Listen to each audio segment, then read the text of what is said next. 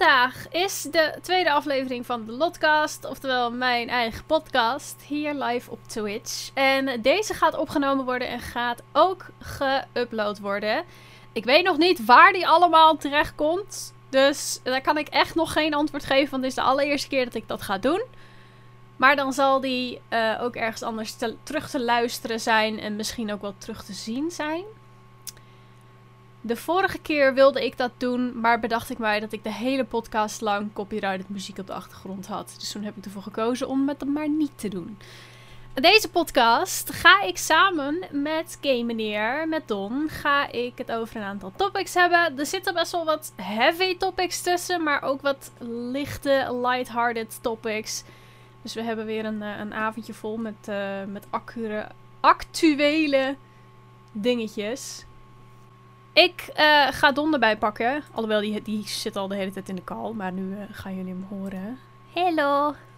Hallo. Hallo, het is hem. Oké, okay, welkom Don. Hallo. Hallo. Leuk dat je mee wil doen aan de podcast. Het schijnt dat je er ervaring mee hebt. Ik, uh, ik kan wel lullen in microfoons, ja. Ja, dat heb ik mij laten vertellen. Oké. Okay. Ja. Uh, ik had jou van tevoren al een beetje verteld wat voor topics we zouden hebben. Yes. En uh, laat ik gewoon lekker met de deur in huis vallen. Want het allereerste waar ik het over wilde hebben was Acid versus Celine en Michel. Michiel. Michiel? Mich zal, ik, zal ik heel eerlijk zijn dat ik echt geen idee heb wie die mensen zijn? TikTokkers. Oké. Okay. Maar het zijn toch YouTubers? Yeah, TikTokkers naar YouTube. Omdat TikTok gewoon lastig geld te verdienen is. Oké, okay. oké. Okay. Um, ik word er niet snel. Oh, ik heb een fragmentje wat ik wil laten zien. Maar ik ga, ik ga mijn best doen om dit, om dit hele gedoe een beetje te recappen. Oké. Okay. Acid is een Vlaamse YouTuber, Nathan van der Gunst. Uh, ik heb mij laten vertellen dat hij geen middelbaar schooldiploma heeft. Daarover later meer. Um, hij heeft een uh, kritische reactievideo gemaakt op Celine en. Het is echt heel lullig als ik, als ik hun naam blijf, verkeerd blijf zeggen. Weet je wat? Ik zoek hun YouTube-kanaal ook gewoon even. Michiel is het. Ik heb het wel verkeerd gespeld. Nou, laat ik dan niet helemaal overkomen als een bitch en het meteen even rechtzetten. Momentje, chat. Hoppa. Celine en Michiel. Uh, dat zijn twee YouTubers slash TikTokkers. Ze maken uh, muziekvideo's, voor zover ik kon zien. En ze maken best wel generic, op kinderen gefocust vlogs. Um, mm -hmm. Dat laatste is, is wel duidelijk. En SCT heeft een hele kritische video gemaakt over hun... Uh, over hun... Ja... Bestaan. Daar zijn zij vervolgens een beetje boos om geworden. En zij hebben vervolgens, volgens Acid, uh, zijn video gestrijkt. Nou heeft, hebben zij zelf gezegd dat zij dat niet waren. Maar Acid, dan? ja, zij zeiden dat YouTube dat gedaan heeft. dat kan niet. dat kan niet. Ja, en dat ze, dat, dan is al gelijk te merken dat ze heel kort op YouTube zitten. Ja, want Acid heeft in zijn video volgens mij gewoon letterlijk gezegd van ja, ik zag jullie naam op de strike staan. Dus jullie zijn het wel daadwerkelijk geweest. ja, maar strikes die komen ook in opdracht van. Er, ga, je, ja. er worden niet zomaar strikes uitgedeeld. Ja, ja er is als, als YouTuber, er is niet een, een knopje uh, die jij bij een YouTube kanaal eventjes aanklikt. Waar, waarmee er volgens een strike wordt gestuurd naar, uh, naar dat YouTube kanaal. Dat, dat bestaat niet. Dat heb je als YouTuber niet. Als je dat En- wil en gaan zelfs- doen. Ja? Zelfs tegenwoordig is het nog makkelijker gemaakt. Want creators kunnen nu zelf ook, ehm, hoe heet het, video's strijken waarin hun eh, content wordt gebruikt. Klopt, maar die strijk die moet altijd wel via YouTube gaan. Dus je stuurt een klacht in of zeg maar een verzoek in tot strike naar YouTube. YouTube voert hem dan uit uit naam van jou. Yeah. Nou, en dat is een systeem waar nogal wat flaws in zitten. Want inderdaad, als het om copyrighted content gaat, dan zou in feite alle YouTubers zouden elkaar kunnen strijken. En dan wordt die in eerste instantie gewoon uitgevoerd. Daarna is pas het moment waarop er daadwerkelijk mensen naar gaan kijken en gaan bedenken: is deze strijk terecht of niet? Mits je dus een. ehm, hoe heet dat? Als, je- als je dus zeg maar zelf zegt van hé, hey, die strijk is onterecht, dan gaan ze daar naar kijken of het inderdaad terecht is of niet. Anders dan blijft hij gewoon staan. Dus Asset heeft een eh, verzoek ingeduurd van hey, haal die strijk eraf, want hij is niet terecht. YouTube die heeft dat onderzocht en die heeft vervolgens de strijk eraf gehaald. Dus die strijk die zij, of volgens hun YouTube heeft eh, ingediend, eh, was onterecht. Nou, vervolgens hebben zij daar video over gemaakt. Volgens mij hebben ze er meerdere video's over gemaakt. Eentje waarin ze behoorlijk overstuur waren. Eh, deze leugens moeten stoppen heet die zes dagen geleden. Eh, thumbnail van hun aan het huilen heeft 1,1 miljoen views. Er worden heel wat leugens verspreid over ons, waardoor mensen ons bedreigen en haatreacties doorsturen. Dit moet stoppen. Nou, Acid wordt eigenlijk door hun een beetje afgeschilderd als een jongen die dus zijn publiek heeft aangezet tot het sturen van haatreacties naar dit stel toe. En nou ben ik niet helemaal thuis in Acid zijn content, maar ik heb wat video's van hem gekeken. Het is, laten we gewoon heel eerlijk zijn, een jongen met een behoorlijk grote bek. Sure.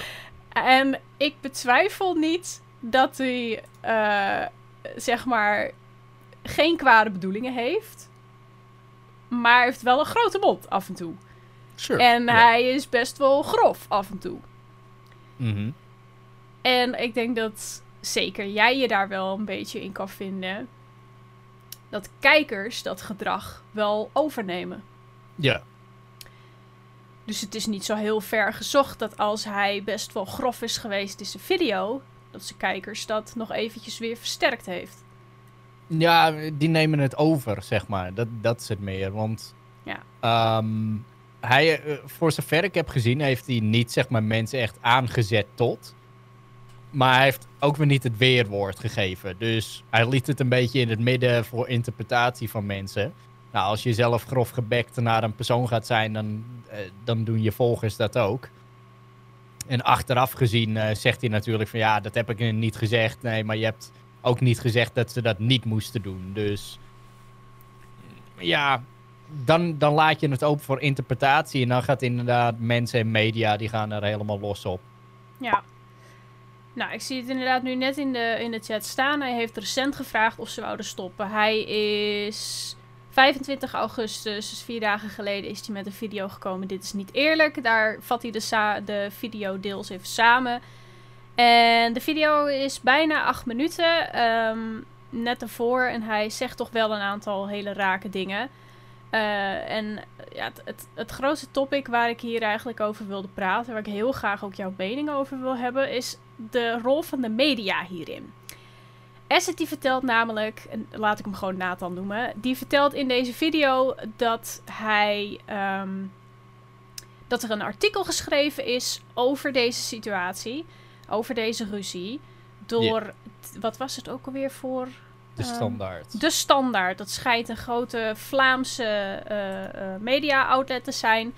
Die hebben hem vorig jaar, ehm, volgens hem, in zijn woorden hoor, gesmeekt om een groot artikel te, te maken. Die hij vervolgens gepromo- gepromoot heeft op zijn sociale media. En hij eh, is dus eh, in goed contact met hun gekomen. Hij heeft eh, hun telefoonnummer gekregen en dergelijke, een interview afgelegd. Die hebben nu volgens hem een heel eenzijdig artikel geschreven over deze situatie. Hebben hem nogal neergezet als een, ehm, nou, als een idioot met een soort privéleger. En ik zal er zo meteen wat dingetjes van laten zien. Ehm, die het dus voorzien heeft op deze twee YouTubers. Ja. Volgens hem is hij niet benaderd door hun. In ieder geval niet waar hij het kon zien. ze hebben hem niet gebeld, ze hebben hem niet gemaild, ze hebben hem niet gewhatsappt of een sms gestuurd of wat dan ook. Ehm, ze hebben hem dus niet, over, niet naar zijn mening gevraagd hierover. Mhm. Dat hebben ze naderhand gedaan toen hij eh, contact met hun heeft opgenomen, volgens mij. Vervolgens, eh, of, of hij heeft een klacht ingeschreven, of ik weet niet meer exact hoe het zat. Toen hebben zij hem alsnog met vragen bestookt voor een interview hierover. Hij heeft gezegd van nee, sorry, maar dat is nu een beetje te laat. Ja. En een dag later stonden ze op zijn stoep. Ja, ja, Onaangekondigd. Ja, en helemaal heeft hij kut. Ze, ja, en heeft hij ze weggestuurd. Ja, logisch. Ja, vind ik ook. Ja, ja. Maar het is sowieso gek. Kijk, je mag niet zeggen van eh, Nathan stond niet open voor commentaar. Was de term, Ja. geloof ik. Dat mag je niet zeggen als je geen, geen, geen eh, verzoek tot commentaar hebt ingediend. Nee. Dus ja, de, de krant die zit eigenlijk net zo goed ook gewoon te kutten. Dus eh, de standaard heeft eh, de lat heel laag gelegd. Nee, ze hebben de standaard laag... eh, sorry. Ze hebben, eh, of tenminste, ik zag voorbij komen dat ze hem wel een DM hebben gestuurd en dat hij dat niet gezien heeft. Maar dat vind ik, dat vind ik absoluut niet genoeg. Zeker niet als, je, als het gaat om iemand waar je eerdere contacten mee hebt gehad. En waarbij je een e-mailadres en een telefoonnummer en eigenlijk alles hebt. Dan ga je niet doodleuk op Instagram of op Twitter even een DM'tje sturen. Naar nee, stuur gewoon die- even een ja. mail. Ik bedoel, ik, ik, ga nu, ik ga nu zoeken. Wedden dat ik binnen 10 seconden een mail heb. Eh, videobeschrijving. Main channel subscribe. Oké, daar staat het niet. About. Oké, daar staat het ook niet. Dude, you're becoming very eh, onbereikbaar. Ja, maar zij hebben zijn e-mail al en zijn nummer. Ja, hij zegt van wel. Dat, eh, dat ze in ieder geval zijn nummer hebben. Even kijken hoor. Ik ga even kijken of ik, dat, of ik die artikelen kan vinden. Want hij plaatste op zijn Twitter een tweetje met als onderschrift erbij: Vanaf nu is het generaal voor jullie. En het was een eh, kop uit eh, een krant, media, whatever. Acid, YouTuber met een online privéleger. Eh, daaronder pakte iemand nog een kop met een jeugdheld zonder diploma. Daarom benoemde ik dat. En de Mhm. speel in Vlaanderens eerste YouTube-oorlog. Wie is Acid of Nathan van der Gunst? Met daaronder nog een stukje uit het artikel. Hij heeft geen middelbaar diploma, valt doorgaans pas na de middag uit bed en heeft lak aan zowat alle regels. Nathan van der Gunst, Acid voor de fans, is de regerende jeugdheld van puberend Vlaand- Vlaanderen. Dus van wat ik nou heb voorbij heb zien komen, wat de media hierover geschreven heeft en de reacties hieronder, is dit gewoon niet meer dan een smeercampagne tegenover Nathan. Ja, sure. Vanuit de Vlaamse media. Maar het is ook zo makkelijk. Want eigenlijk, wat het gewoon is, is persoon A levert kritiek op persoon B en C. B en C reageren daar ook slecht op. Ehm, kijk deze kinderen ruzie maken. En dan worden er allerlei details bij betrokken, zoals een diploma, et cetera, die er helemaal niks mee hebben te maken. Ja, Om het nog erger te laten lijken dan dat het is. ik heb hier het artikel. Ehm, even kijken. Oh, ik had trouwens nu wel een e-mail van eh, Nathan gevonden, Oh. maar dat is via zijn merchandise. En de heisa, ze duurde voort. De open oorlog tussen Vlaanderens populairste YouTubers. Het kindvriendelijke koppel Celine en Michiel enerzijds. De fulminerende Acid anderzijds. Dat is al ontzettend biased. Yep. Heeft nu ook de hoogste instanties van het land bereikt. Minister van Media Benjamin Dalle dringt aan op een gedragscode voor influencers. Jezus. Advocaat Jeff Vermassen, die juridisch advies geeft aan Celine en Michiel, pleit voor een strengere wetgeving rond cyberpesten. Intussen blijft Acid wild om zich heen schoppen in zijn vlog. Maar die, wie is die kerel eigenlijk? Nou, als dit inderdaad geen, eh, geen biased artikel is, dan weet ik het ook niet. Ja, maar ze zitten wel heel leuk te miepen over influencerregels, maar die regels die zijn er al. En dat toont alleen maar aan dat ze niet verdiept zijn in het platform. Het zijn trouwens allemaal betaalde artikels, dus ik lees alleen het onderschrift voor. Ja. Doodsbedreigingen voor de ogen van honderden, du- honderdduizenden kinderen. Ruzie, verwijten en doodsbedreigingen. Het gaat er giftig aan toe in YouTube-land. En dat door een vete tussen de twee populairste vloggers van België. De ene dreigt zijn concurrent naar de maan te schieten. En zet jonge fans aan tot haatmail. De ander overweegt juridische stappen wegens laster en imagoschade. Dit is echt, echt bizar eenzijdig. Mhm. Hier krijg ik kanker van. Ik hoop dat ze sterven. Ik kom je huis opblazen, je fami- familie verdelgen en ja, daarna, ja, wat gebeurt hier? wat? Heftig. Oké.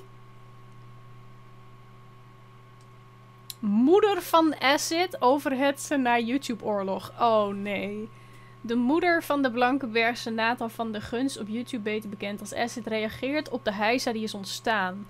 Nathan heeft die het ze nooit gewild. Michelle vindt haar zoon onrechtvaardig is afgeschilderd. Ja, natuurlijk. Het is je moeder. Hij kwam eruit als een gewetenloze rebel, wat er helemaal niet is. Achter die stoere façade gaat eigenlijk een heel gevoelige jongen schuil. Oh. Eh, No offense naar moeders overal. Maar ik zou mijn moeder dus nooit publiekelijk in de media laten reageren op zoiets. Nee, maar dat is altijd. eh, dan komt het altijd zo over als in. Ah, dat zou mijn kind nooit doen. Zo Nee. is mijn kind niet. Je kan als ouder natuurlijk al helemaal niet onaf, eh, onpartijdig zijn. Dat, dat, Kijk, aan de ene kant is het een heel leuk eh, dat hij een façade ophoudt. Maar aan de andere kant is het niet zeg maar overduidelijk te zien dat hij een typetje opzet. Dus dan, ja, dan valt dat argument al heel erg weg. Maar oké, wij, wij zijn beide mediapersoontjes. En jij hebt behoorlijk wat volgers eh, aan je naam kleven. Jij hebt vast ook wel eens doodsbedreigingen gekregen. Eh, I guess, ja. Op wat voor manier gaat dat? Eh, slecht gespeld. Eh, weet niet.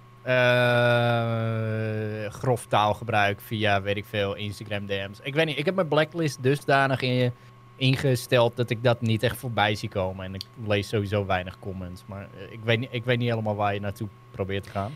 Nou, dat. Ik, ik, lees het, ik lees het heel vaak als online persoonlijkheden ruzie hebben. Of als er een, eh, een, een, een, een, degelijke verte gaande is. Dan wordt er altijd gezegd: doodsbedreigingen dit. Ik kreeg doodsbedreiging. Ik kreeg zelfs doodsbedreiging. Ik kreeg allemaal doodsbedreigingen. En dan kijk je naar wat er eigenlijk gebeurt. En dan zijn het net zoals altijd een stel kinderen die ontzettend Zitten te kafferen op zitten het te internet. kafferen op het internet. Yeah. En echt zelden zit daar iets bij wat serieus bedoeld is. En natuurlijk, natuurlijk, ik ga dat niet goed praten. Dat is alsnog natuurlijk niet oké dat kinderen zich zo laten gaan op het internet. Maar ja, ik weet niet. Ik, Ja, vind dat altijd dat- wel dat is- makkelijk gezegd. Eh, is het ook. Het is heel makkelijk te pakken al zitten er één of twee tussen van... eh, ik wou dat je van een brug afsprong of zoiets. Dat dan echt van... Ja, ja, ja, dat is, een, ja, dat is doodsbedreiging. Ja, dit kan echt niet. Ik weet niet. Het, het zal eh, qua doodsbedreigingen naar mijn idee reuze meevallen. Ik bedoel, het is volgens mij niet dat Celine en Michiel zich voor hun vre- leven vrezen. nee. Als dat het geval is, ja, dan zou de politie moeten worden ingeschakeld. Maar dusdanig, of zo dusdanig serieus is het nou, volgens mij ook weer niet. Want anders zien we ook wel artikels voorbij komen van eh, arrestatie, bevel dit, beveiliging dat. Eh, maar dat zien we allemaal niet. Ja, want ik ga. Ik, wil hun niet shamen en tegen hun zeggen van hé, hey, jullie staan niet sterk genoeg in je schoenen. Want ik, ik, ik heb zelf ook zo vaak shit over mij heen gekregen op social media wat mij gewoon te ver ging. eh, en waar ik eh, verdrietig van werd. En wat dat betreft ben ik een ontzettend gevoelig persoon. Jij hebt dat een stuk minder. Maar inmiddels leer je inderdaad ook dat je je blacklist goed aanpast. En dat je daar op een of andere manier een beetje tegen verdedigt. En als ik dan kijk naar hoe Acid erop reageert. En dat hij in die video ook zegt van hé. Hey, maar die comments die jullie krijgen, waarvan jullie mij beschuldigen dat ik mijn kijkers ertoe heb aangezet, die krijg ik ook. En die krijg ik net zoveel van jullie kijkers. Maar dat ga ik jullie niet ten laste leggen. Mhm. En aan de ene kant vind ik dat een hele, hele volwassen reactie. Aan de andere kant blijft het lastig. Want in hoeverre ben je verantwoordelijk voor wat jouw kijkers, in feite jouw vertegenwoordigers, tegen iemand anders zeggen? Kijk, als iemand, eh, weet ik veel, jouw naam. Ik, ik heb al kijkers op Twitter die bijvoorbeeld eh, in hun bio hebben staan dat ze fan van mij zijn. Ja. Als. Nou, Sorry. ja, nee, lekker actief weer. Nee, ik ben een beetje gaar. Dat eh, heeft niks met het onderwerp te maken. Ik, ik luister. Als die, zeg maar, ineens naar een ander eh, persoon zou gewoon doodsbedreigingen op die manier zouden gaan sturen, dan zou ik wel een beetje zoiets hebben van ja, eh, doe dat even lekker, weet je, vanuit jezelf en niet met mijn naam in je biografie. Ja, ja, ja. Eigenlijk moet iedereen gewoon eh, er neerzetten, opinions are my own. Iedereen moet dat neerzetten. Nou ja, hoe hou je dat inderdaad een beetje tegen? Van, eh, want als je zegt in je video van jongens, ik wil niet dat jullie eh, vervelend gaan doen eh, tegen deze persoon die heel vervelend tegen mij heeft gedaan. En waarvan ik jullie nu de volgende acht minuten ga vertellen wat ze me allemaal geflikt hebben. Ja, gaat dat helpen? Nee. nou, oké, het, kan het misschien niet voorkomen, maar je hebt jezelf soort van je handen schoongewassen. Van ja, jongens, ik heb het gezegd. Jullie doen dit alsnog. Eh, eh, in, dan kan je echt aantonen van in hoeverre ben ik nog in controle over ja, de, de vrije wil van de kijker. Maar ja, zolang je je er stil over houdt, kijk, dan is het een stuk lastiger. Eh, Een goed voorbeeld vind ik bijvoorbeeld, die kijk jij ook. Leon Lush. Dat Mhm. is eh, ja, een volwassen man en die becommentariseert en eh, geeft soms ook wel eens kritiek of wat dan ook op eh, allerlei mensen. Maar hij eindigt vrijwel altijd met, ja jongens, allemaal leuk en aardig, maar we, we zijn nu gewoon even, even een beetje lol aan het trappen en niet per se slechte bedoelingen naar persoon X. En daarmee heeft hij eigenlijk al gelijk aangetoond van oké, het was niet allemaal serieus, we hebben geen hekel aan deze persoon en ga deze persoon ook niet eh lastigvallen daarmee. Mhm. En ja, dan zit je eigenlijk vrijwel wat dat betreft altijd goed. Want ja, je hebt al gezegd van ja, doe maar niet. En als mensen het dan vervolgens alsnog eh, gaan doen, ja, dan sta je daar los van. Klopt. Ik zie iemand in chat een eh, vrij extreem voorbeeld geven. Dus ik mag mij niet uit als fan en daarnaast de leider van een nationalistische partij zijn. en dat is, dat is een beetje het lullig aan het internet. In feite, weet je, alles mag. Ik ga jou niet vertellen dat als jij eh, belangen hebt die re- lijnrecht tegenover de mijne staan, dat je niet mag genieten van mijn content. Maar het wordt een probleem als je vanuit mijn naam, zeg maar, iemand anders zou gaan lastigvallen.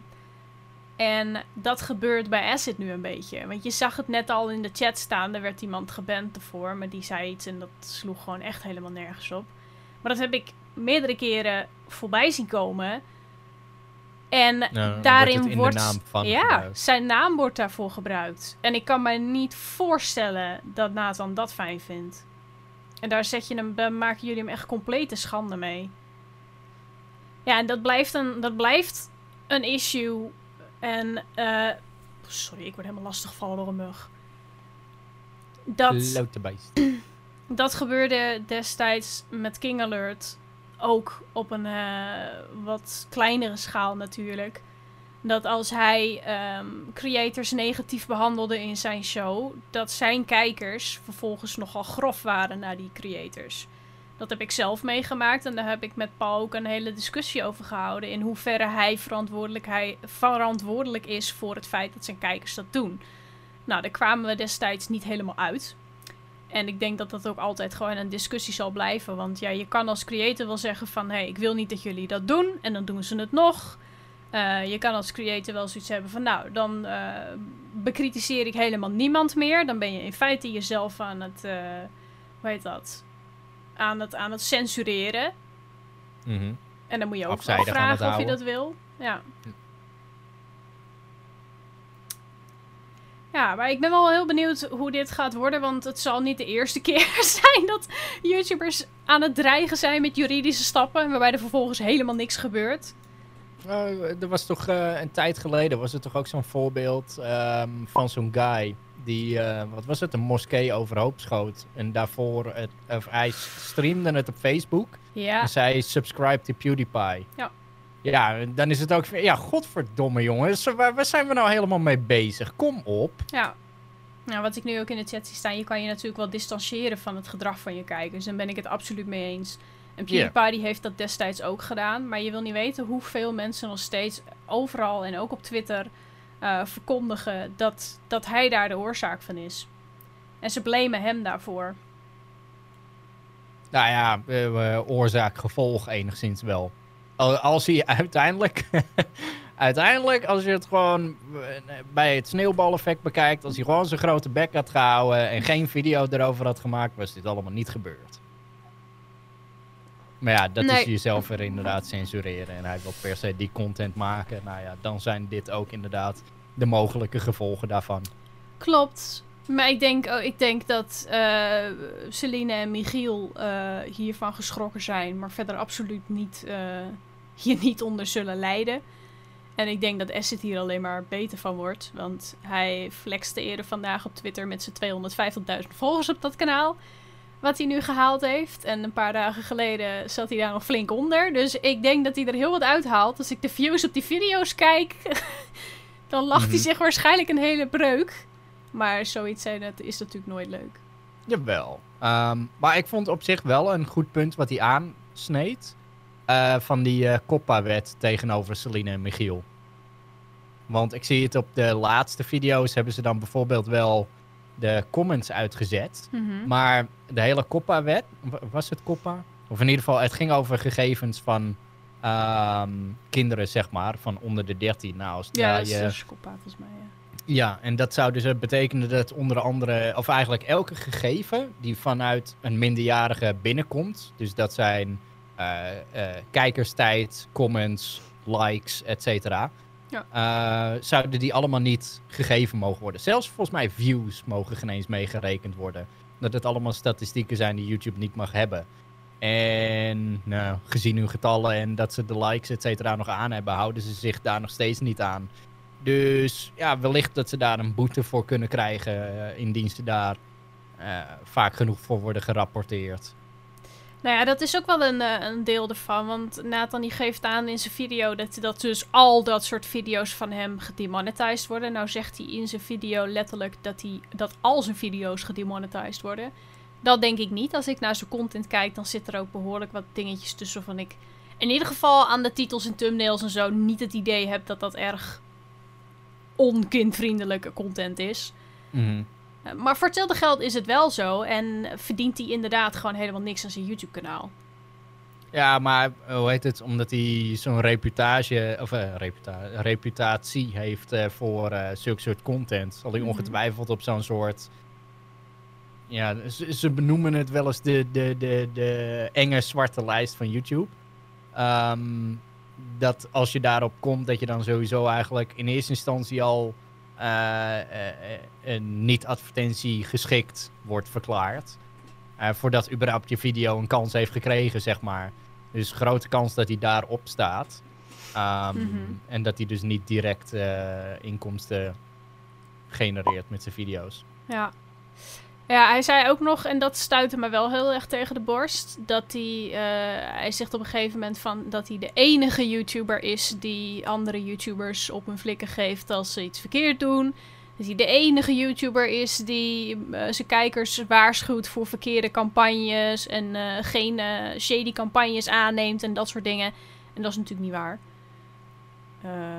vind ik ook wel... Hij een is beetje... een van degenen die het, het luid doet, zeg maar. Ja, en of hij dat altijd op de juiste manier doet, dan valt natuurlijk ook over te discussiëren. Want het is. Uh... Ik vind het goed dat hij dat doet. Begrijp me niet verkeerd. Maar hij is absoluut niet de enige. Eh, het is meer zeg maar, niemand doet het op de manier zoals ik het doe. Ja. Nee, dat klopt. Sommige mensen zijn iets wat tactischer. Uh, iets wat genuanceerder uh, ja. in. Maar goed. Juist. Nou, daar kwam ik nog toch zo'n hilarisch clipje tegen op Twitter. Oké. Ja, echt, echt, echt, echt hilarisch. Ehm.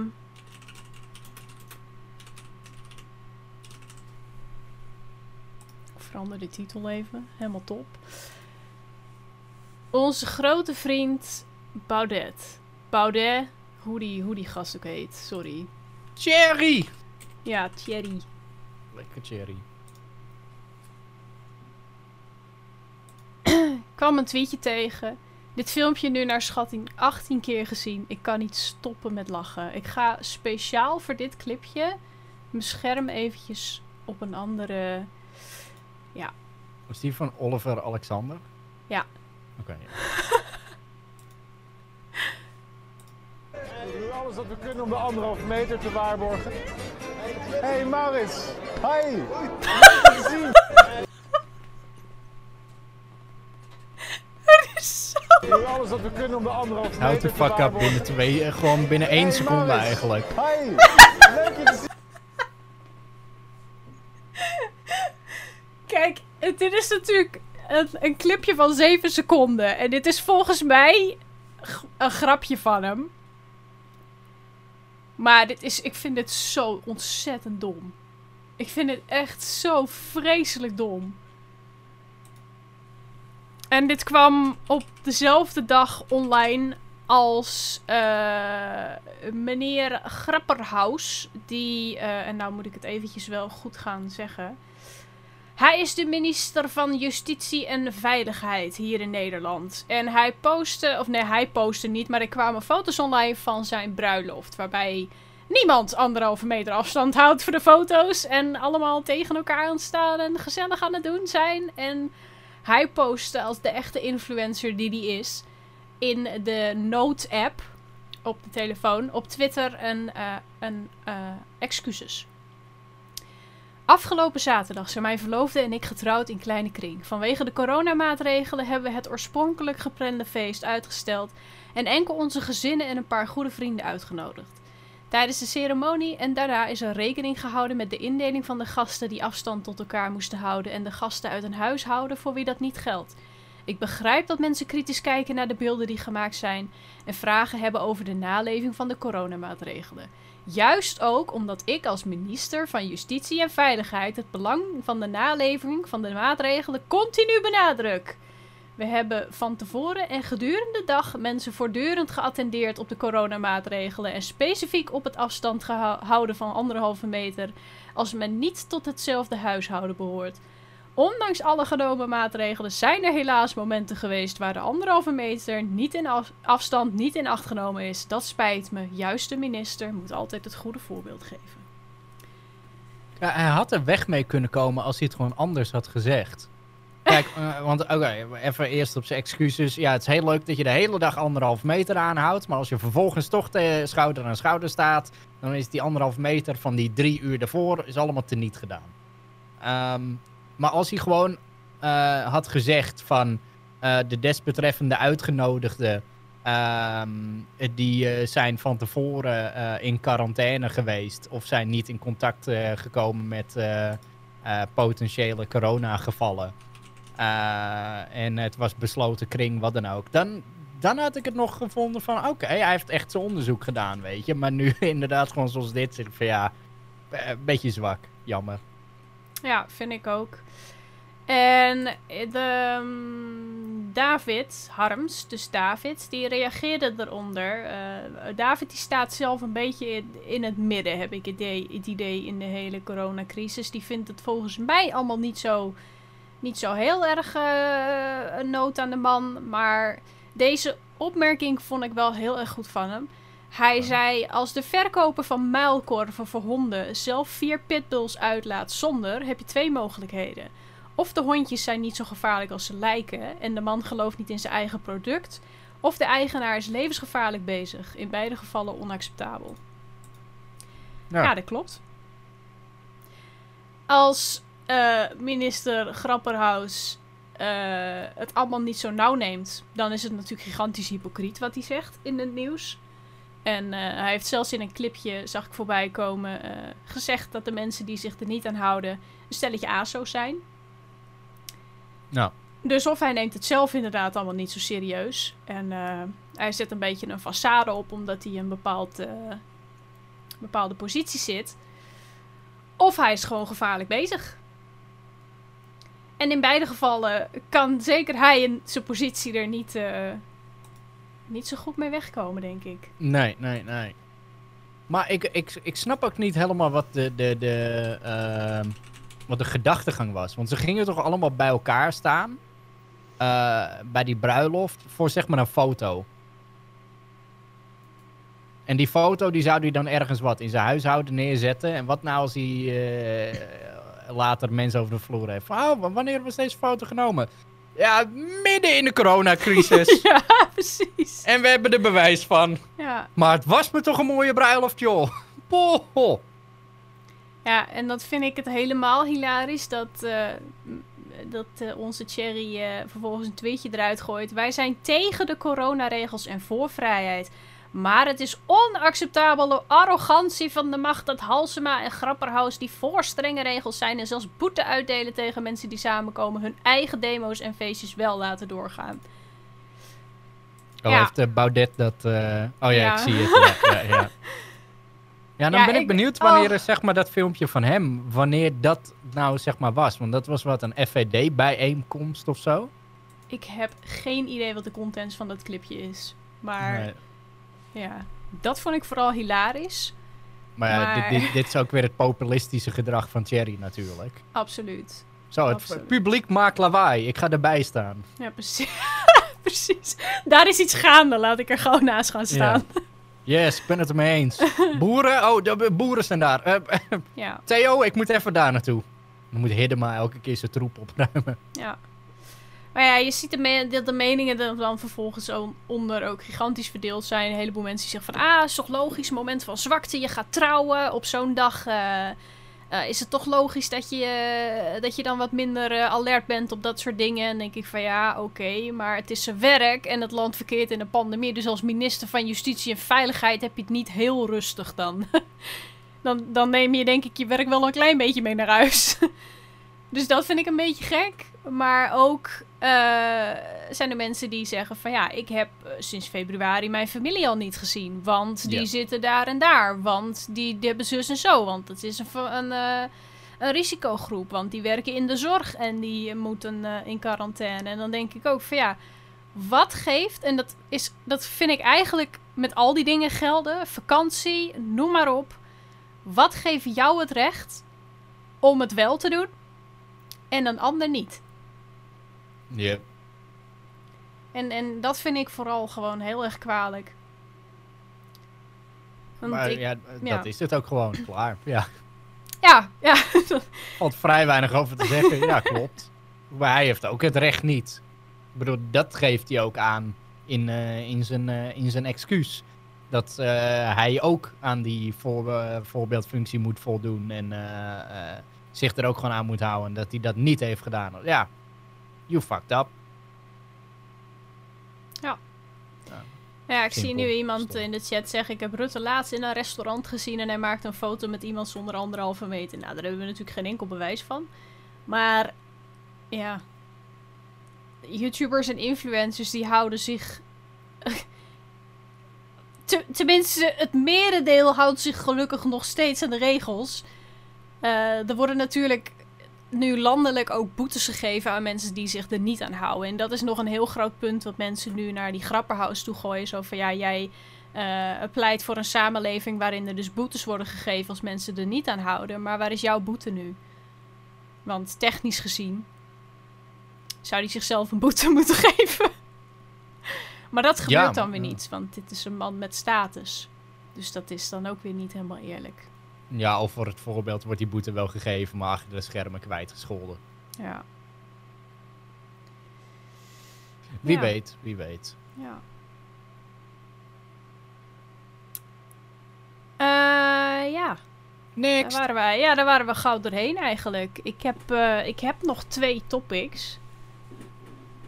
Een leuke en een echt niet leuke. En ik denk dat we op een high note moeten gaan eindigen. Dus ik denk dat ik het niet leuke topic er nu maar in ga gooien. Oké. Jij weet gelukkig al wat het inhoudt. Ehm, ja, hoe ga ik dit betitelen? Verras me. Sketchy Discord servers. Oh, juist. Een paar maanden geleden heb ik een eh, Twitch-stream gedaan waarin ik het verhaal heb verteld over een Discord-server. Waar een heel lang verhaal kort mijn eh, foto's, mijn selfies eh, op Instagram en dergelijke eh, gebruikt werden om op te fappen. Niet alleen die van mij, maar ook die van allerlei andere vrouwelijke influencers.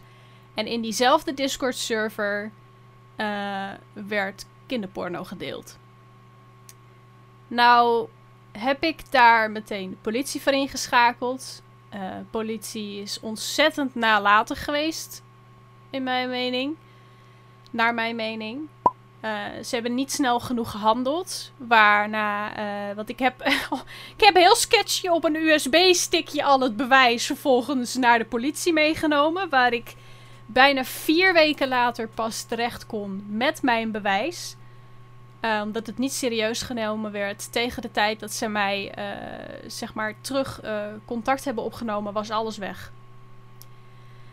En het grootste probleem was dat zowel ik als andere influencers dus gebruikt werden in die Discord om jonge mensen te trekken, om pubers en tieners met heel veel hormonen in hun lijf naar die Discords te trekken als een soort museum van influencers. Van kijk hoe geweldig eh, lekker ze er allemaal uitzien. En vervolgens kregen ze dus kinderporno onder de neus geschoven. Waarbij eh, dus een heel groot deel van die jongeren het onderscheid niet kon maken tussen goed en slecht. En legaal en illegaal. Want ze keken voornamelijk naar mensen van hun eigen leeftijd. Nou is een 13-jarige op Discord die zich loopt af te beunen op de foto's van een influencer. eh, Creepy, maar niets illegaals aan. Nou is een 13-jarige op Discord die zich loopt af te beunen op naaktfoto's van een andere 13-jarige. en helaas een heel ander verhaal. Want deze Discord-servers werden overduidelijk gerund door volwassenen. Maar de target was minderjarigen. En eh, dat heb ik uiteindelijk afgesloten. De foto's die van mij werden gedeeld. De hele Discord-server is uiteindelijk verwijderd. Ik heb me daar gewoon middenin gezet. Ik heb ze exposed. En ik heb ervoor gezorgd dat die servers verwijderd werden. Ik wist wel dat ze een backup hadden. Eh, daar zaten maar een, een, een, een tiental mensen in. Eh, maar die is uiteindelijk ook verwijderd. Omdat ze wisten dat er een snitch in hun midden was.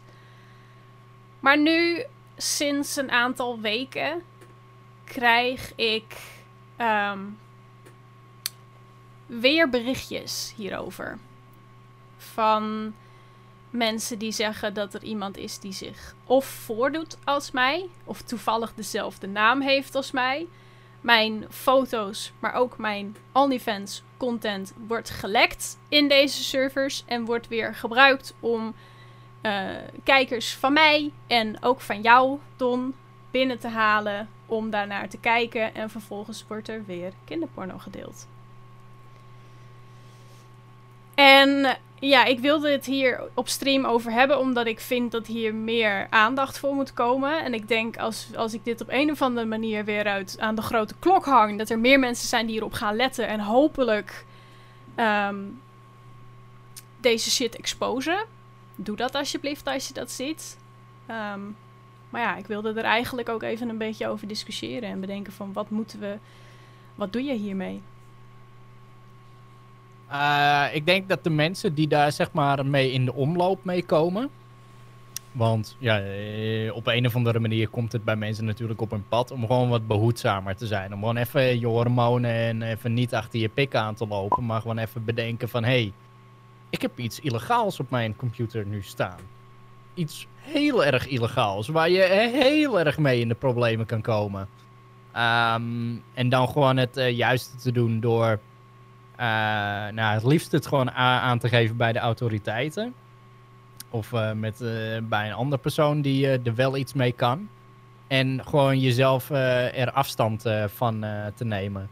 Want het, eh, naast het feit dat het natuurlijk ook gewoon illegaal is, is het ook gewoon zo goor. Ja, absoluut. En het is, het is walgelijk dat influencers daar op deze manier voor gebruikt worden. Uh, ik heb destijds toen uh, ben ik in de server geweest en ik heb een, uh, een hele lijst gezien van influencers die dus allemaal hun eigen channel hadden waarin foto's en dergelijke gedeeld werden. En ik heb toen heel erg lang zitten twijfelen van moet ik al deze mensen een berichtje gaan sturen? Moet ik al deze mensen hiervan op de hoogte stellen? Um, sorry, ik zie tussen staan. Ik dacht dat je een eensgezinde fanbase had, maar over reacties hier verbaas ik mij enorm. We hebben een heel divers publiek vanavond. Ik heb normaal gesproken ook niet 180 kijkers op mijn streams. Dus uh, verdeelde meningen is denk ik uh, alleen maar goed als het om een podcast gaat. Maar hou het inderdaad een beetje netjes in de chat, jongens. Um, ja, ik, ik zat te twijfelen van, moet ik, moet ik persoonlijk al deze mensen een berichtje gaan sturen? Een heleboel die hadden geen idee dat dit aan de hand was. Ik heb een aantal mensen heb ik erover ingelicht en die hebben er niks mee gedaan. Uh, die vonden het ook niet hun, uh, hun taak om daar iets aan te doen en hebben eigenlijk hun rug er een beetje naartoe gekeerd. Dus ik wilde ook niet de persoon zijn die uh, bij iedereen aankwam en zei van... Hey, er lopen minderjarigen zich af te beunen op jouw foto's, just saying. Um, maar Expose, de eigenaars van die Discord, nou, die hebben allemaal een, uh, een andere naam. Ik heb op een gegeven moment één voornaam gekregen van een jongen die in Rotterdam woonde. Maar de persoon die mij dan die naam gaf, zei dat dat best nog wel eens een fake naam kon zijn. Ik heb Discord heb ik er zelf bij betrokken. Ik ben partner, dus ik heb ook nog eens een snellere route naar Discord dan de meeste mensen. Um, en het probleem was, de kinderporno die er gedeeld werd, um, ging via Megalinks. En dat is zo'n grote website waarbij je allerlei uh, bestanden kan uploaden. Wat nagenoeg ontraceerbaar is waar het vandaan komt. En dan staat het op een soort gigantische cloud. En dan kunnen andere mensen het downloaden. Die linkjes die werden gedeeld in die Discord, werd meestal daarna weer verwijderd. En zij hebben er gewoon helemaal niks aan gedaan. Ik heb uh, het idee van de Discord gestuurd. Ik heb het idee van de uh, Discord accounts van de personen die het stuurden, heb ik um, toegestuurd. En het gaat waarschijnlijk allemaal via VPN's. En er is vooralsnog helemaal niks mee gedaan. Want ik zie iemand inderdaad zeggen: Discord heeft een ingebouwde tracker voor zulke foto's. Schijnt het. Het gaat dus niet om de foto's zelf. Het gaat om linkjes naar de foto's. Ja. Want uiteindelijk, uh, ja, qua dat, uh, de Discord die probeert zichzelf natuurlijk ook gewoon af te schermen. En die wil zich natuurlijk ook niet associëren dat, uh, dat zij de gateway voor zulke soort ja. gedrag en illegale activiteiten worden. Ehm, maar ja, als je dan inderdaad gewoon linkjes kan plaatsen en dat staat daar allemaal in. Nou, we hebben het beide gezien hoe, hoeveel mensen zaten er ook weer in? Echt een paar honderd of zo? Ja, echt 600, 700 man zat er in die server. Het slaat echt ronduit alles. Echt, doe er gewoon niet aan. Als je fucking naakte mensen wil zien, ga dan gewoon uh, fucking Pornhub of zo. Maar doe het niet op die manier. Nee, en daar zaten gewoon, weet je, mensen met de username Kimpy Party en dergelijke. Het was gewoon heel obvious dat het om kijkers ging. Hoe oud zijn mijn kijkers eigenlijk? Mijn kijkers die zijn waarschijnlijk rond dezelfde leeftijd als de mensen die dus in deze servers zitten. En dat is waarom ik het ook wil bespreken en waarom ik het eigenlijk nog een groter ding wil maken. Omdat ik het heel belangrijk vind om uh, deze mensen duidelijk te maken dat je dus uh, in een omgeving zit die heel erg gevaarlijk is. Niet alleen voor jezelf, maar zeg maar, niet alleen in de zin van uh, er wordt misbruik van jou gemaakt, maar je komt met letterlijk illegale dingen in aanmerking. En dat, dat, daar moet je jezelf een beetje tegen gaan beschermen. En ik weet dat de nieuwsgierigheid het vaak uh, overneemt van het gezonde verstand. Maar alsjeblieft, als je zo'n Discord ziet, Geef het aan. Geef het aan bij mij. Geef het aan bij een andere YouTuber. Geef het aan bij de politie. Hang het bij aan Discord. de grote klok op Twitter, bij Discord. Rapporteer het uh, op Twitter, op Instagram, waar dan ook. Want het recruteren van deze Discord-leden eh, heb ik mij laten vertellen, ging voornamelijk via Instagram. Geef het alsjeblieft aan. Dan kunnen volwassenen het weer overnemen en er iets mee doen. Maar denk niet van, oh, uh, dit is geheim, dit moet allemaal geheim blijven. Straks raak ik in de problemen als ik dit uh, ga leaken, als ik ga exposen. Dat gaat niet gebeuren. Zeker niet als jij minderjarig bent. Dan is het alleen maar bewonderenswaardig dat je uh, op dat moment weet dat je in een foute situatie zit. Maar geef het alsjeblieft aan. Dan kunnen wij er wat mee. En dan hopelijk kunnen we er een eind aan maken. Ja. Want ik heb een hele tijd geprobeerd om het gewoon dood te laten bloeden in die zin. Om niet meer er publiekelijk over te praten in de angst dat het dus meer zou gaan gebeuren. Maar het omgekeerde is dus juist gebeurd. En nadat ik me eigenlijk mijn handen er vanaf heb getrokken, is het alleen maar weer groter geworden achter de schermen. Als je een telefoonnummer hebt, kan je er dan iets mee. Alle, alle informatie die je hebt over mensen in de server, mensen die dit soort content delen of wat dan ook, is allemaal bruikbaar. Stuur het allemaal door. Het gevoel dat het jou. Sorry, ga jij eerst. Ja, desnoods ook naar de politie, want die heeft uh, eerder het recht om bij telefoonbedrijven, um, of hoe heet zoiets, communicatiebedrijven, zij het een T-Mobile of wat dan ook, en daar gegevens op te vragen indien er dus wel mogelijk uh, kinderporno via zulke soort nummers worden uh, uh, gebruikt of doorverkocht of hoe dan ook. En dan kunnen zij daar veel meer mee. Dus ja. wees echt niet bang om dat gewoon te delen met politie of mensen met ja, aanzien, verantwoording, zeg het dus. Klopt. En ik zie in de chat staan: ouders hebben de meeste tijd geen flauw idee, snappen er vaak niks van. Wat ouders wel begrijpen is als jij naar ze toe komt en zegt dat je iets vervelend hebt gezien, wat je liever niet had willen zien. En daarvoor kun je altijd naar je ouders toe gaan. Ja. Wat je, of je relatie nou goed of slecht is, ik denk dat we het daar wel over eens kunnen zijn. En ik hoop dat in ieder geval mijn ouders die hebben dat altijd gehad. En ik hoop dat jullie ouders dat allemaal ook hebben. Als jij iets hebt gezien uh, wat daarmee te maken heeft, wat je liever niet had willen zien, vertel het alsjeblieft aan je ouders. Uh, ja. Was een kijken. Chat is uh, erg opinionated hierover, dus dat is hartstikke mooi. Ik zag nog iemand zeggen: het gevoel dat het jouw foto's zijn lijkt me ook echt heel erg raar. Ja, ik, ik kan niet beschrijven hoe vies het voelt dat uh, mijn foto's, uh, want ik heb gezien wat voor foto's het zijn. Het zijn foto's van mij in bikini, maar het zijn ook foto's waarin ik gewoon uh, volledig in een kooltrui gekleed, gewoon lachend op de foto sta.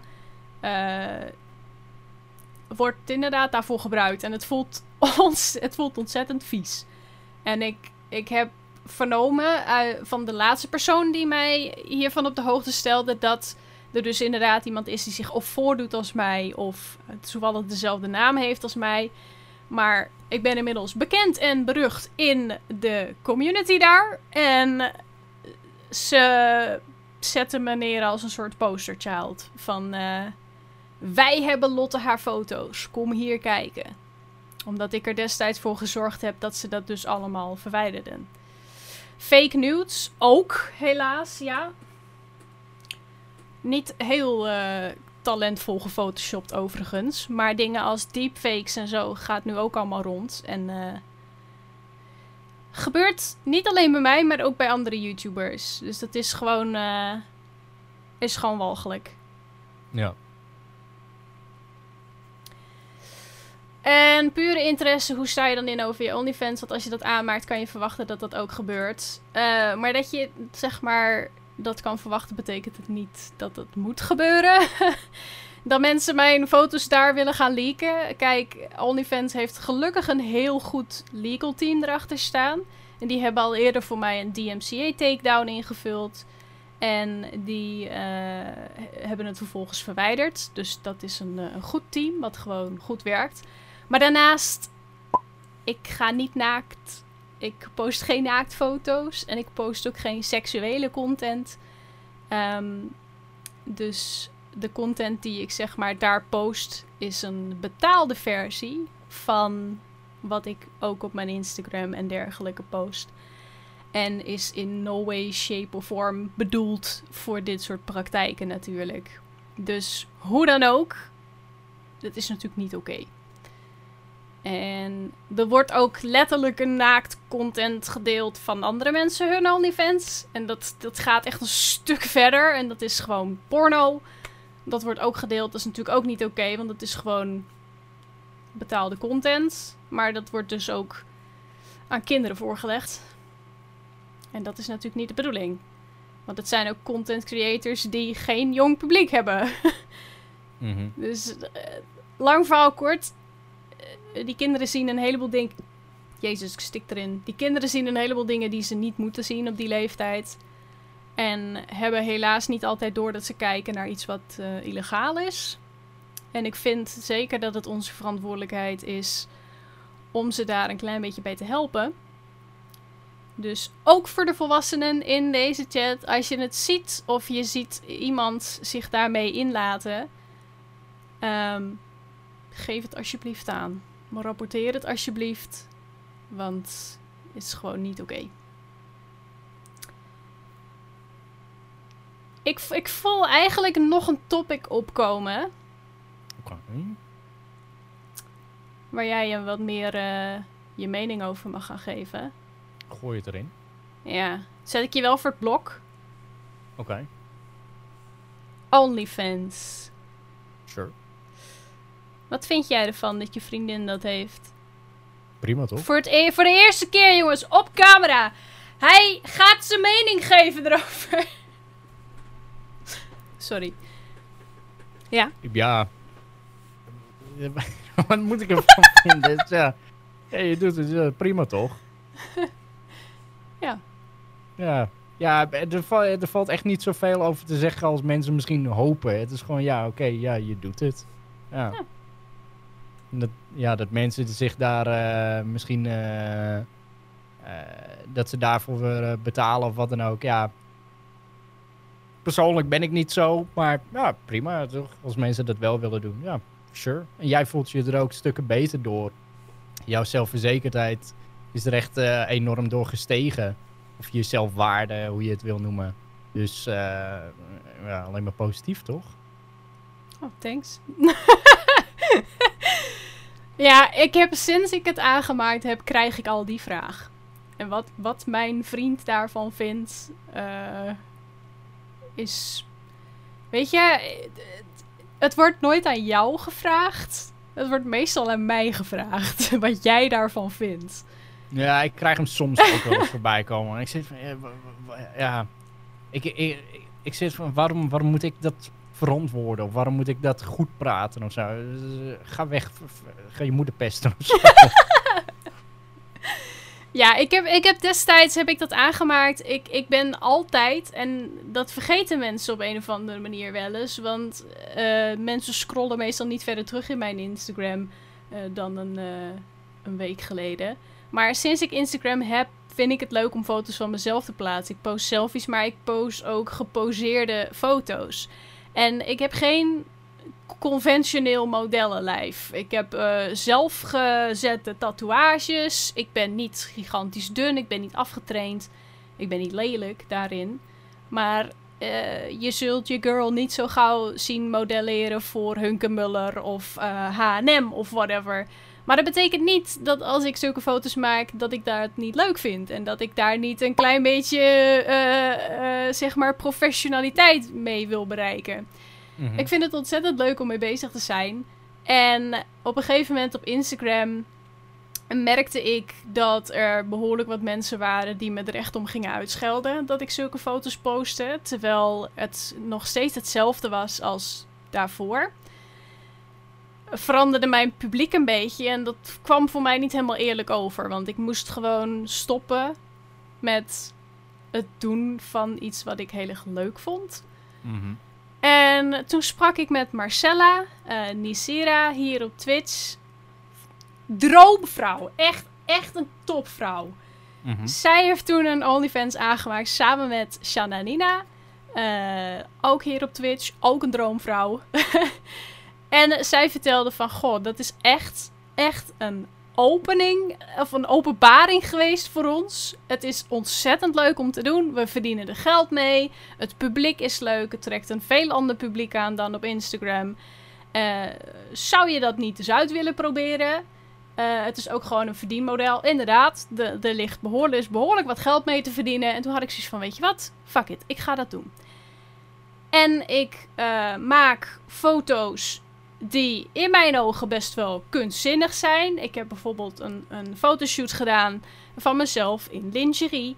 eh, waarbij ik aan het schilderen was. En ik heb daarvoor daadwerkelijk een schilderij gemaakt. Misschien dat ik hem nog ergens kan vinden hier.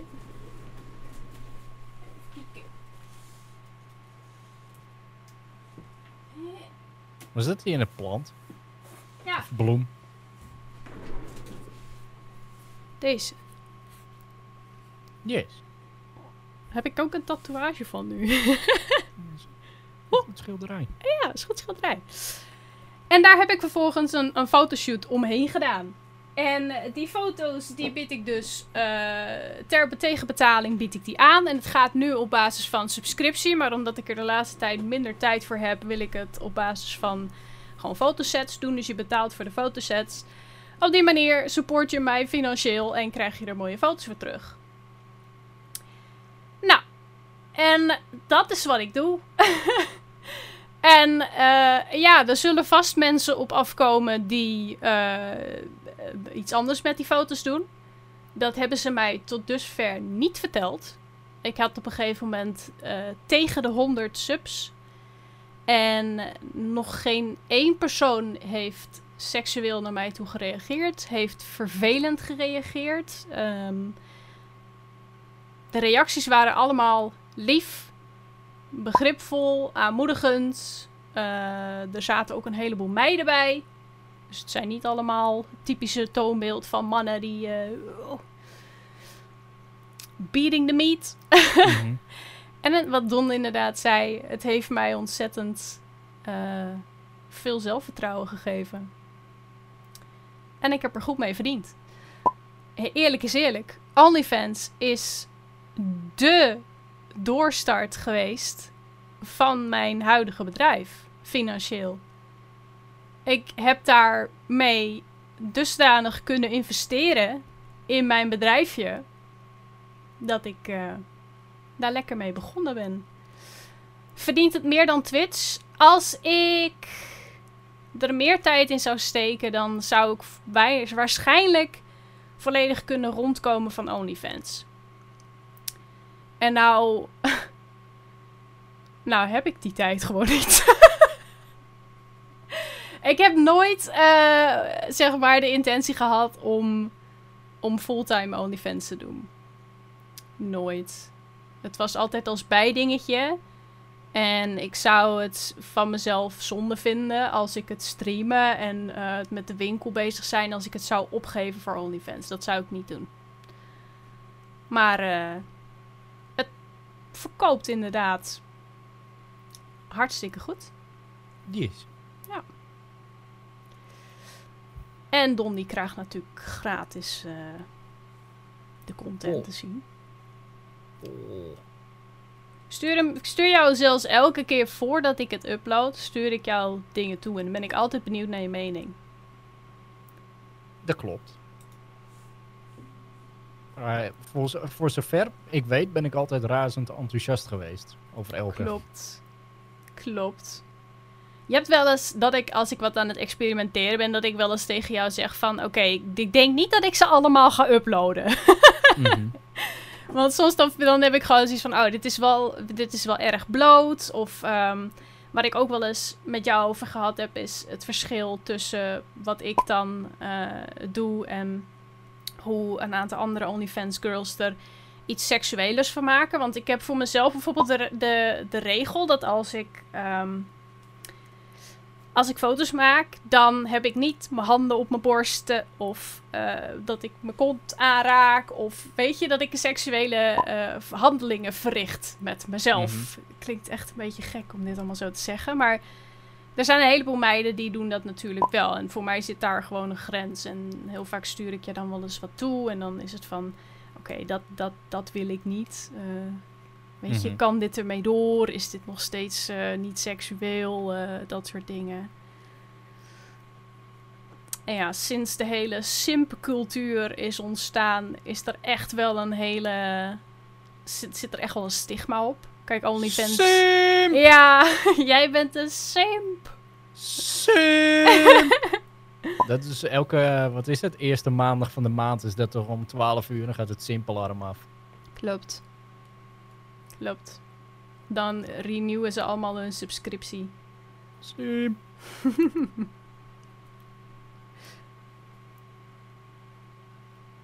Het blijft alleen wel seksueel voor guys die ervoor betalen. Los van of je het wel of niet zo bedoelt.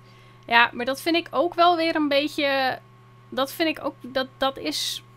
mm, hoe zeg je dat nou? Dat is een vooroordeel. Want. Heb jij dat hun gevraagd?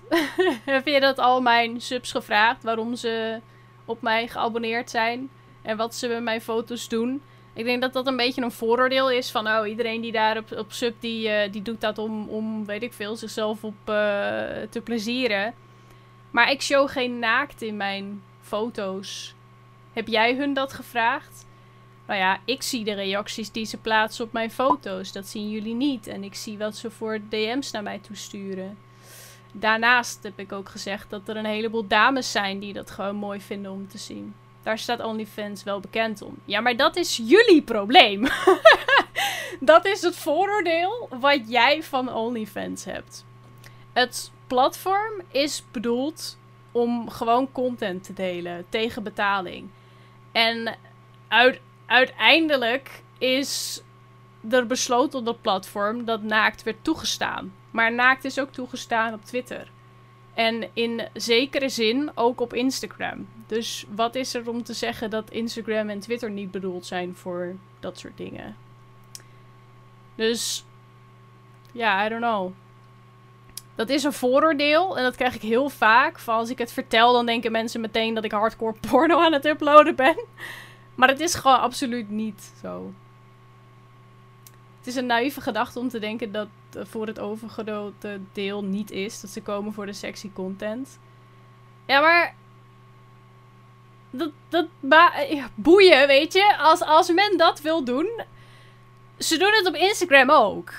Maar dan gratis. En nu betalen ze ervoor. dus aan het eind van de dag. Word ik er beter van. Ik bedoel, er was toch laatst ook zo'n guy op Facebook. Of in ieder geval zo'n shit op, eh, wat op Facebook gedeeld werd. Zo'n guy die eh, seksuele handelingen verrichtte met een trekhaak.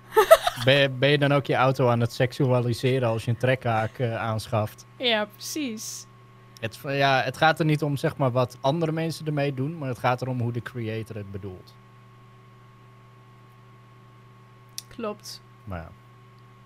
Ja, want ik word op Instagram word ik, word ik wekelijks toegevoegd aan van die, eh, van die accounts die dan. Ja, FAP-accounts. En dat noemen ze dan ook zo. En dan blokkeer ik ze weer. En dan geef ik het aan bij Instagram. En dan halen ze mijn foto's weg. Maar die zijn er al jaren. En het maakt niet uit wat je aan hebt. Er staan ook influencers op die. Er staan influencers op die ten eerste minderjarig zijn. Er staan influencers op die nog nooit een bikinifoto van zichzelf hebben geplaatst.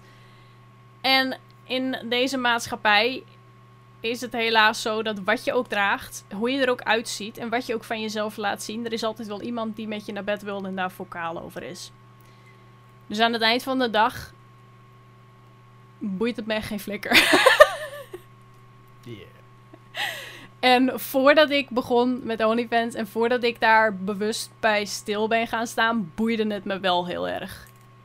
En ik heb nu juist het gevoel dat ik meer respect voor mezelf heb. En dat ik meer mijn beter mijn grenzen ken en beter weet wat ik waard ben dan voorheen. Dus Don, wanneer ga je ermee beginnen? Wat, met OnlyFans? Ja, Nou, maar ik, ik, ik, ik word op een andere manier zelfverzekerd. Dus oké. al- already working on it. Elke 100.000 abonnees, dan groeit er een centimeter bij. Hoppa. Dat is wel een win-win. Ja, nou, eigenlijk niet. Eigenlijk niet. Op een gegeven moment kan het dusdanig buitensporig zijn. Dat het gewoon een, een, een, een, een probleem wordt. geef je gewoon knietjes. dat moet je niet willen. Oh. Oké. Ik, heb een, ik heb een leuk topic. Ja, ik wou zeggen om mij af te sluiten, maar we zijn nog niet eens zo heel erg lang bezig. Eh, geen probleem, eh, gooi het erin. Desnoods kunnen we altijd vragen innemen. Oh ja, zeker. Dat was sowieso het idee. Nee, eh, het, ja, het zou geen lotcast zijn als er geen, eh, geen K-pop topic eh, bij komt. Dus nu gaan de subs ineens met 90% omlaag. Maar misschien vinden jullie het ook wel interessant, jongens en meisjes. Deze week is een nieuwe song van BTS genaamd Dynamite gereleased. En het is een volledige Engelse single die zij voornamelijk in de United States gepromoot hebben. Eh, ik heb er een cover op gemaakt. Ik heb het nummer denk ik al wel honderd keer laten horen in deze, eh, in deze, in deze streams. Maar ik ga er even een klein stukje nog weer laten horen.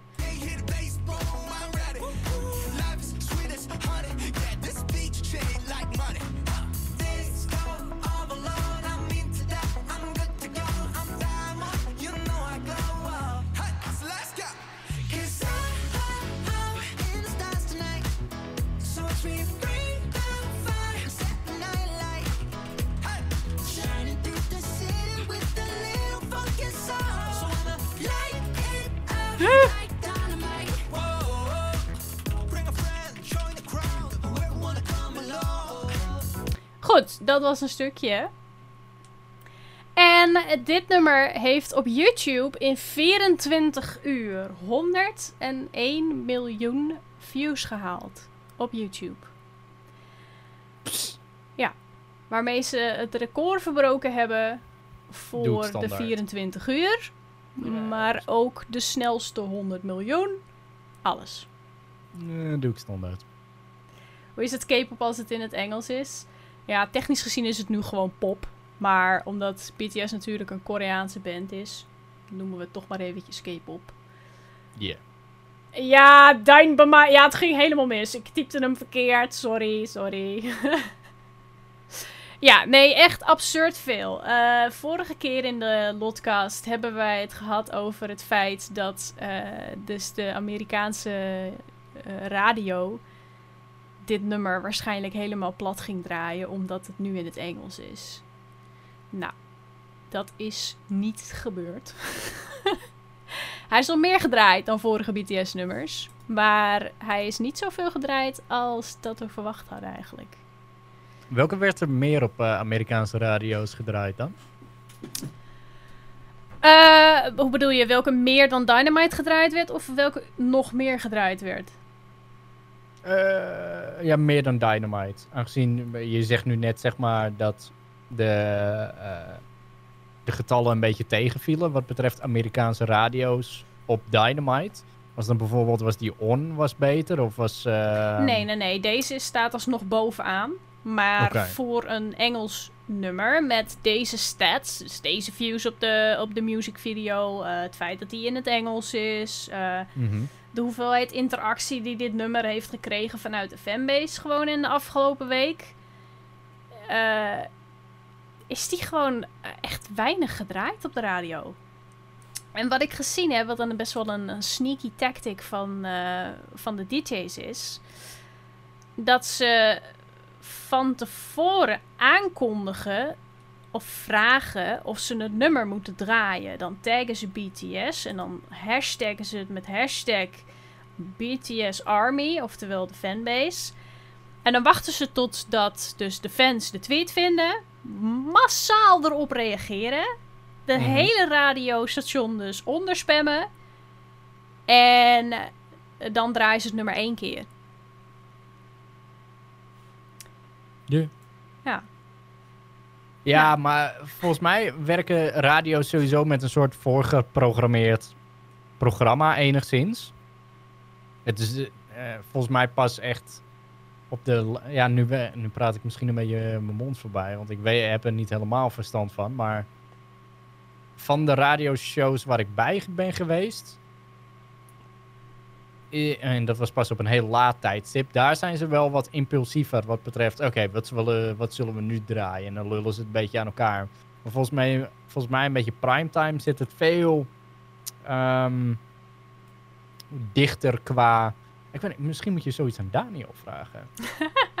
maar volgens mij zit eh, zoiets ve- overdag op primetime veel ja, dichter gebouwd dan, eh, dan eh, in de late uurtjes. Wat Sam nu net zegt, ik moet eerlijk toegeven dat ik het echt beschamelijk vind toen de fanbase alles en iedereen aan het spammen is met dat nummer. Nou, ik vind het beschamelijk dat eh, BTS-fans moeten smeken aan de radio of ze alsjeblieft dit nummer willen draaien.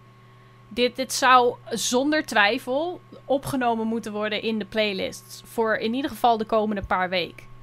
Mhm. Zeker na die eerste 24 uur. Dat, dat, dat is no. Gewoon. Zeker omdat het in het Engels is, dit nummer had gewoon meteen overal geplaylist moeten worden.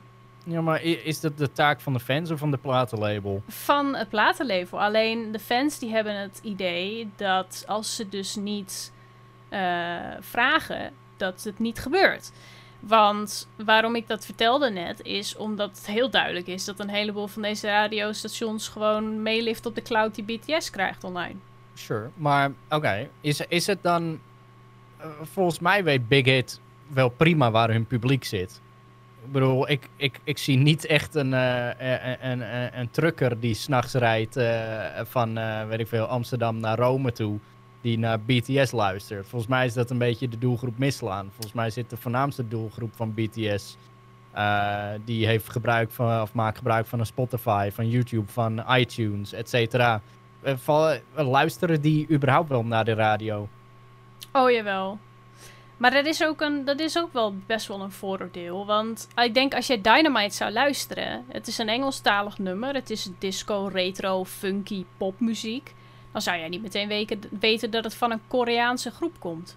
Nee, sure. Ja, ik, ik moet wel zeggen, de eerste keer dat ik het luisterde, moest ik wel even, ik moest zeg maar goed luisteren naar eh, hun. Want hun uitspraak is natuurlijk ook weer niet typisch Amerikaans. Dus je, je hoort wel zeg maar van, hey, there's something going on here. Ehm, Jawel, maar hoe is het anders dan Despacito, die ook vanuit het niks overal op de radio gedraaid Oh, werd? klopt, ja, of de eh, nummers Song, ja. op Psy met Gangnam Style en dergelijke. Het, het is een nummer wat prima als een soort van Trojaans paard gewoon de radio opgesmokkeld had kunnen worden. En dan had het, eh, de, het standaard publiek had waarschijnlijk niet geweten dat het K-pop was. En was misschien wel nieuwsgierig geweest naar het nummer en waar het vandaan komt. En dat is een beetje gek dat dat niet gebeurd is. Want dat had zeker bij dit nummer, met de huidige stats, had het gewoon wel moeten gebeuren. En dan hadden zij aan, aan- na zeg maar een week best kunnen zien van oké, doet dit nummer het goed op de radio of doet het niet goed? Weet je, en dan zou die best weer uit de playlist kunnen gehaald kunnen worden. Maar hij had er wel eerst in moeten staan. En, Hoe- eh, Wat nou als het bijvoorbeeld andersom is? Kijk, dat zeg maar ehm, in eerste instantie Big Hit niet Big Hit standaard platenlabel. ehm, dat die dan in eerste instantie niet radiostations hadden benaderd. Ehm, maar dat zij eigenlijk gewoon misschien zaten te hopen, of dat het überhaupt zo gebeurde, van hey, het is een heel populair nummer en dat een willekeurig radiostation zit van oké, eh, we willen dit nummer eh, draaien. Big Hit zouden we de licentie hiervoor mogen hebben om hem überhaupt te mogen draaien. Eh, en dat Big Hit gewoon die licentie niet heeft gegeven. Nee, dat, dat zal niet zo zijn, want hun hele promotie was ge, ehm, gefocust op Amerikaanse radio. Ze hebben bij al die, die grootste stations hebben ze interviews gedaan. Dus oké, dus eh, Amerikaanse radiostations waren gewoon rebels en die gingen expres hun nummer niet draaien. Ja, denk ik wel, ja. Als ze niet genoeg cloud kregen op Twitter, dan werd het nummer gewoon maar één keer gedraaid. Maar het, het voelt zo tegenstrijdig, want het is zeg maar. BTS is eh, arguably het, het meest populaire eh, eh, boyband. Is het, valt het onder boyband? Ja, ik denk het op wel. zich. Eh, Is, nou, laten we zeggen, de meest populaire groep ter wereld. En dan gaan Amerikanen die gaan eigenwijs zitten zijn van, oh, laten we vooral daar niet gebruik van maken. Wa- wa- Wat, is nou dat? Dat voelt zo anti-opportunistisch of zo. Ik, ik, ik snap het niet helemaal. Ik snap, ik, ik snap de beweegredenen niet. Ja, omdat het, eh, omdat het of in het Koreaans is of omdat ze een accent hebben. Het, het, Dus het het klopt zou ook dan niet. wat een soort nou, misschien eh, racistisch is misschien te ver. Xenofobie. Xenofobie, ja, het is anders. Zou, zou dat het zijn, pure xenofobie? Ik denk het wel. Ik denk dat er een heel groot vooroordeel is over, eh, over BTS en over K-pop in het algemeen. Dat er alleen maar 13, 14-jarige fans eh, naar luisteren. Maar op de radio is het sowieso, want je, je krijgt op de radio krijg je een, een gigantische mix aan muziek. En als ik de radio aan heb staan, dan luister ik misschien naar tien nummers achter elkaar die ik eh, niet, niet geweldig vind. En er komt er eentje tussen, die zing ik de hele, het hele nummer keihard mee. Dus dat is een mix aan muziek. En dan heb je ook nog een heleboel radiostations die zich bijvoorbeeld specialiseren in een, bepaalde, in een bepaald genre. Of die Mhm. programma's hebben waarbij er gefocust wordt op één genre. Dus het is gewoon. Het, het, het slaat nergens op dat ze het niet draaien. En ik denk dat het gewoon wel een beetje eh, exposed hoe de industrie in elkaar zit. Maar dan als eh, tegenovergesteld iets. Ik denk dat de Blackpink-fans me weer gaan lynchen als ik dit, eh, als ik dit vertel. Maar goed.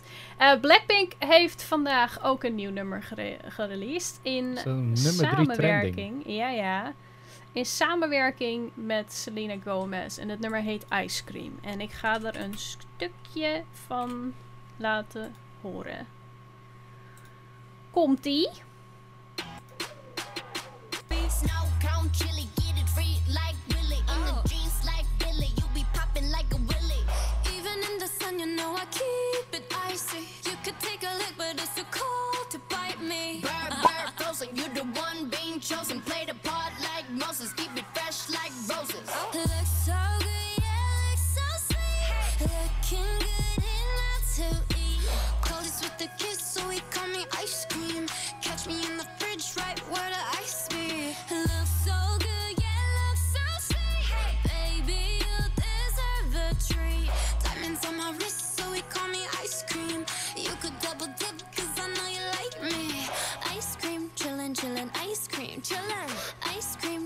chillin', ice cream, chillin'.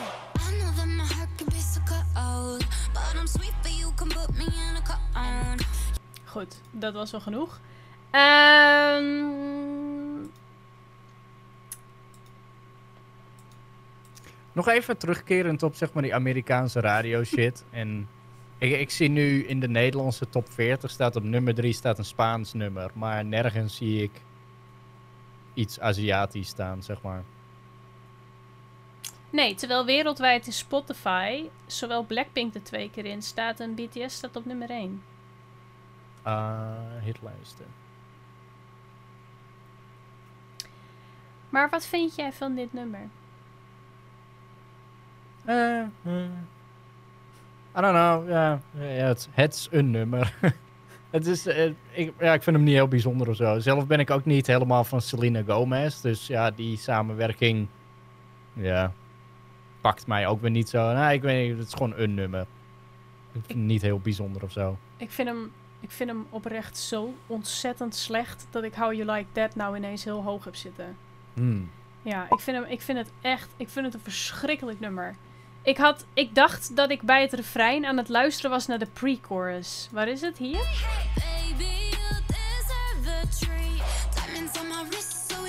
Hier dit. Ik dacht dat ik hier denk van oké, daar gaan we, daar gaan we. Dit is het, dit is het pre-chorus. Nee, dat was het refrein. Dat was hem. Het is, ik vind hem, ah! Ik had, ik denk nou, dit, dit wordt generic popliedje featuring Selena Gomez. Daar kan je niet mis mee gaan. Ik vond How You Like That vond ik heel erg tegenvallen. Ik vond de beat vond ik niet fijn. Ik vond het gewoon ik vond het heel slecht in vergelijking met Kill This Love, waar ze de vorige keer mee komen. En toen dacht ik, hè? Oké. Weet je, dit generic popliedje, dat moet toch wel, dat, dat moet dan toch wel gewoon een beetje mijn ding zijn. Eh, Dat, dat, dat zal wel iets anders klinken dan, dan How You Like That. Maar ik vind deze echt zo slecht. Echt. Het voelt meer als een filler episode of zo. Ja. En zij komen dus binnenkort met hun allereerste studioalbum uit. Met hun eerste volledige album. het heet The Album, echt Points for Originality. Nou, daar zal dit nummer waarschijnlijk ook op staan. Daar staat eh How You Like That, staat er ook op. Maar ik ben... Ik heb nog steeds... Ik bedoel, ja, allereerste album. Mijn god, deze groep bestaat wat? Vijf jaar? Ze hebben nu een allereerste album. Ja, dat heeft even eh, mogen duren. Ja, maar ik hoop dat er wel wat meer van hun oude sound op het album staat. Want anders dan, eh, dan lever ik mijn roze hamer in, vrees ik. Want ja, ik weet niet. Ik vind de videoclip vind ik heel erg leuk. Ik vind die meiden zelf vind ik gewoon ook hartstikke leuk. Ik luister regelmatig hun oudere muziek. Wat dat betreft eh, vind ik ze hartstikke leuk. We zijn toen naar het concert geweest. Dat vond ik echt geweldig. Het enige wat ik toen echt lachwekkend vond... was dat ze gewoon hun hele setlist niet vol kregen. Want ze hadden te weinig muziek. Mhm. En dan, dan speel je dus al. Dan, dan speel je elk nummer uit je repertoire wat je hebt. En dan krijg je nog geen setlist vol. Dat vond ik gewoon heel kwalijk. Maar laten we wel wezen, die meiden die schrijven hun eigen nummers niet. Ze zijn gewoon een groep die het uitvoert. En dat is, dat is prima. Er, er zijn honderden artiesten over de hele wereld die dat zo doen.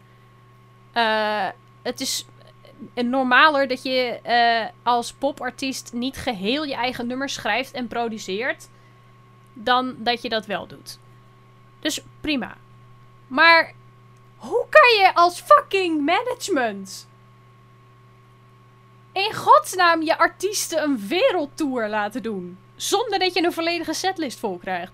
En dan na zo'n lange tijd kom je met deze twee nummers uit. Waarvan ik het gevoel heb dat ze. Ik bedoel, dit, dat laatste nummer, Ice Cream, is zelfs nog door Ariana Grande co-written. Nou, die heeft een hoop hits.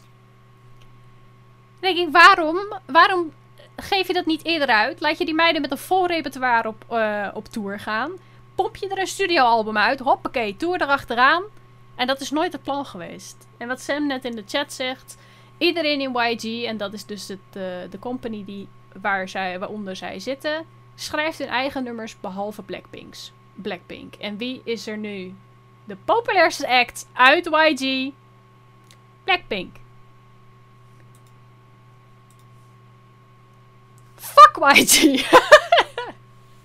Eh, ik denk dat het platenlabel ze dusdanig onder druk zet van oké, jullie moeten shit eruit gooien en dat het dan gewoon door deadlines eigenlijk gewoon ondermaats wordt.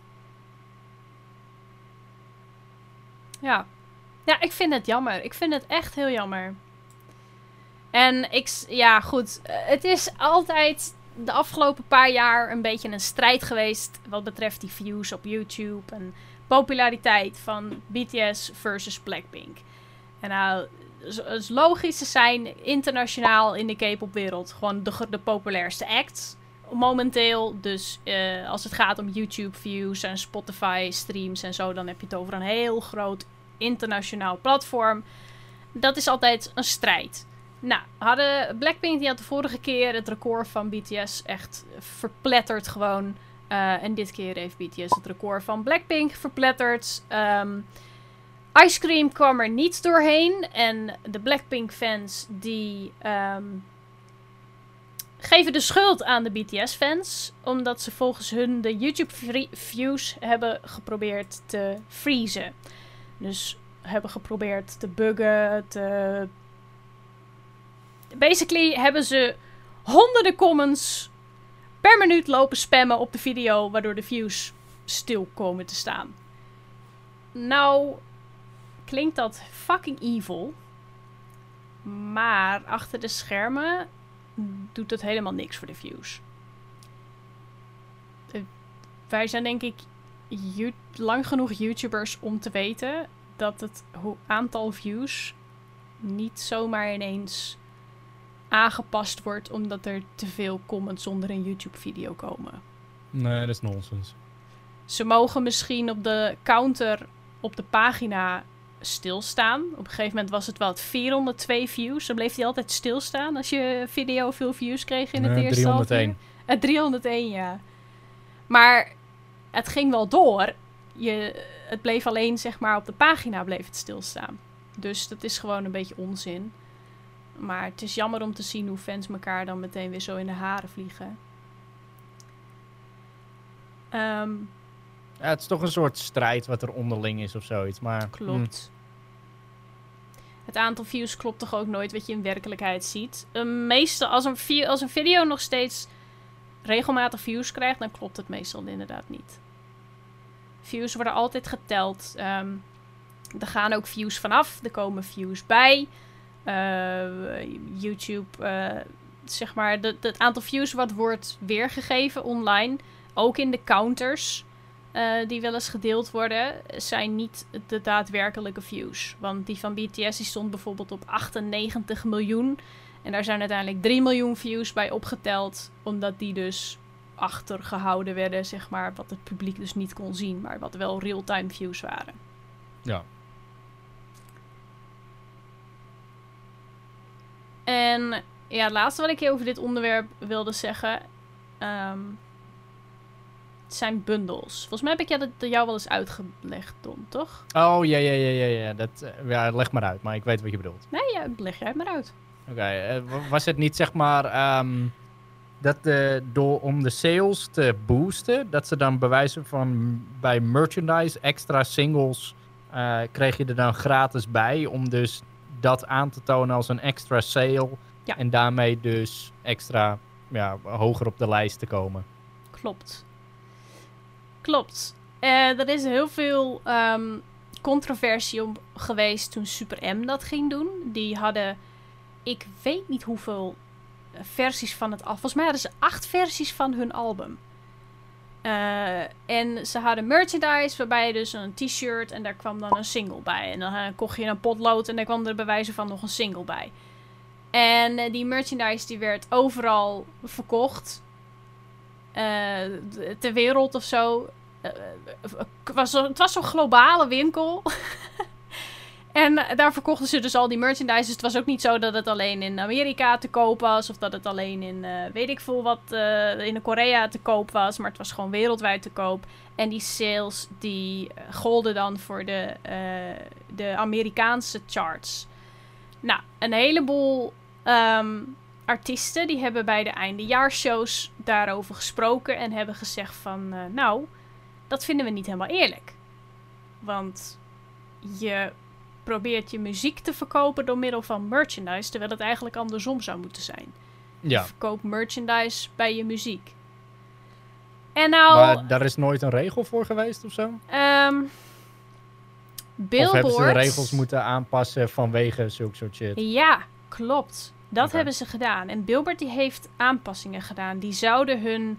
eh, voor de Billboard Top 100 zouden ze hun, eh, hun posities anders gaan berekenen. Als er dus eh, gebruik werd gemaakt van bundles. Daarom snap ik niet waarom eh, dus YG, het management van Blackpink, nu in collaboration met Blackpink en Selena Gomez, wat een Amerikaanse artieste is, weer bundles hebben uitgebracht.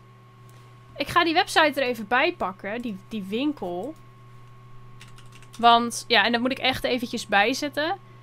Ik heb echt helemaal niks tegen Blackpink. Ik vind het ontzettend leuke meiden. Ik vind ze super getalenteerd. Maar hoe hun management dit aanpakt, vind ik gewoon echt schandalig. Eh, de website. Onder andere hebben ze gisteren dus hun nieuwe album ter pre-order gedaan. Nou moet ik eventjes checken, maar daar komt volgens mij niet eh, dit nummer nog een keer bij. Dat zou wel heel erg zijn. Als je ook een digitale versie van Ice Cream bij de pre-order van dit album kreeg. Maar goed, dat is dus niet zo. Maar verder hebben we merchandise. En we hebben een zonnebril. ehm, die, waarvan het design overigens nog gejat is ook. Ice Cream Sunglasses plus digitaal album. Ice Cream Socks 30 dollar plus digitaal, eh, digitale versie. Fuzzy Dice om aan je autospiegel te halen. We hebben sweatshirts, we hebben eh, één sticker, we hebben twee sticker, we hebben een, een ketting, we hebben een slaapmasker, we hebben een beachtowel, we hebben een, wat is dit? Een poster, we hebben een cosmetisch zakje, we hebben hand sanitizer holders. plus digitale single natuurlijk. We hebben keychains, we hebben eh, dingen om je keychain aan te hangen. We hebben scrunchies, bucket hats, we hebben sportbras, we hebben fanny packs, van die tasjes die je om je middel doet. We hebben hoedjes, we hebben bumper stickers, we hebben nog een crewneck, een hoodie, een t-shirt, een crop top. Nog een t-shirt, nog een t-shirt, nog een t-shirt, nog een crewneck, nog een crewneck. En Oké, oké. oké. nog drie versies standaard CD's van het album met een single. Dus wat ik net zei, van dat ze het album verkopen en dat je dan ook nog een sale van dit nummer erbij krijgt, is dus wel zo. Maar, dus stel, ik koop vijf verschillende merchandise items. Krijg ik dan ook vijf singles? Ja. Of album? What the fuck? Waarom? Ja. Je krijgt bij elk artikel wat je koopt, krijg jij een, een, een hitje, krijg je ice cream erbij. Hè? Ja. Dus Dat- ook, ook, ook, ook al koop ik zeg maar vijf items in één winkelmand. Ja. Vijf singles. Ja. Vijf That's, singles. That, that's stupid. Ja. Ja, dat vind ik ook. Ik vind het een. een ik vind het een hele slimy manier van sales halen. Ja, maar... Dat is, oh, Het heeft niks meer met de muziek te maken. Echt helemaal niks. Nee, nee, nee. Dat heeft gewoon met charts te maken en eh, succesgetallen. Maar is het niet na, zeg maar, zulk soort gedrag... dat ze alsnog niet betere cijfers dan anderen hebben? Ja, Blackpink heeft dit niet nodig in mijn ogen. Dus zelfs ze spelen vals en zelfs dan winnen ze nog niet. Ja, en dit, dit heeft een, een, een slechte. Dit, dit, dit oogt slecht op deze meiden. Terwijl zij je natuurlijk niet voor kiezen. En wat Sam Ja. net in de chat zegt: dit soort shit wordt alleen bij Blackpink gepoeld. En dat komt omdat YG weet dat zij een groot internationaal publiek krijgen, hebben. De rest van de artiesten die eronder vallen hebben inderdaad nul internationale promo. Ook bijna niks in Korea. Maar het wordt dus alleen bij Blackpink gedaan. En dat is jammer. dus de, eh, de andere artiesten onder YG die doen of die krijgen dus dat niet. Die behandeling. Oh. Nou zou eh, Big Bang, en Big Bang is echt een van de OG K-pop artiesten. eh, die, dat, die zijn, ja, die zijn echt een van de grondleggers wat dat betreft in de K-pop community, in de K-pop, ja, generatie van nu. Eh, hun hit Bang Bang Bang is echt een van de grootste ooit. Ook een van de eerste K-pop nummers die ik ooit gehoord heb. Eh, een van de artiesten erin, G-Dragon, is op een gegeven moment ook als soloist heel groot geweest, zelfs in Europa. eh, jaren geleden. Die jongens die zijn op een gegeven moment allemaal in listed geweest. Toen hebben ze een tig aan schandalen over zich heen gekregen. En nu is het eigenlijk een beetje questionable wat ermee gaat gebeuren. Maar die zouden dit jaar op Coachella staan. Eh, Blackpink heeft vorig jaar op Coachella gestaan. En Big Bang die zou dus dit jaar op Coachella staan. Dus het vermoeden was een beetje dat ze dezelfde route weer met Big Bang zouden gaan inslaan. Nou is natuurlijk door het hele COVID gebeuren is dat niet gebeurd. Maar ja, jammer. het is wel een, eh, het is duidelijk een tactiek. En nou ga ik iets heel controversieels zeggen, waar, we- waar Sam het waarschijnlijk helemaal niet mee eens gaat zijn. Maar sinds het internationale succes van BTS is het opvallend hoeveel eh, companies dit soort shit poelen. Ja, ze willen meevaren op. Ze en willen als ze hetzelfde ook de getallen hebben. hebben. Ja, ja, ja. En als ze ook ehm, goede getallen hebben, dan zouden ze ook bekend worden en worden ze ook uitgenodigd eh, overal en eh, nergens. Dus eh, alleen ja, de manier waarop is gewoon sketchy. Ja, want het heeft, het heeft bijna volledig te maken gewoon met de promotie. Want Blackpink kan internationaal echt wel tegen BTS opboksen. Maar hun concert in Amsterdam was natuurlijk mede door de belachelijke prijzen niet uitverkocht. Mhm. Maar ook echt bij lange na niet. En eh, BTS was overal in een dag al uitverkocht. Zelfs met hun eh stadiumtour. En dat komt omdat hun promotie overseas gewoon solid is. En ik hoop dat zij niet mee gaan doen aan deze bundelacties. Ik denk ook niet dat ze dat gaan doen. Ik denk dat Big Hit daar toch wat anders over nadenkt. Maar ik heb het gevoel dat als ze dat niet doen, dat ze over een tijdje gewoon niet meer kunnen opboksen tegen andere K-pop artiesten. Want Super M was echt, ja, ook hilarisch dat het echt Super M heet.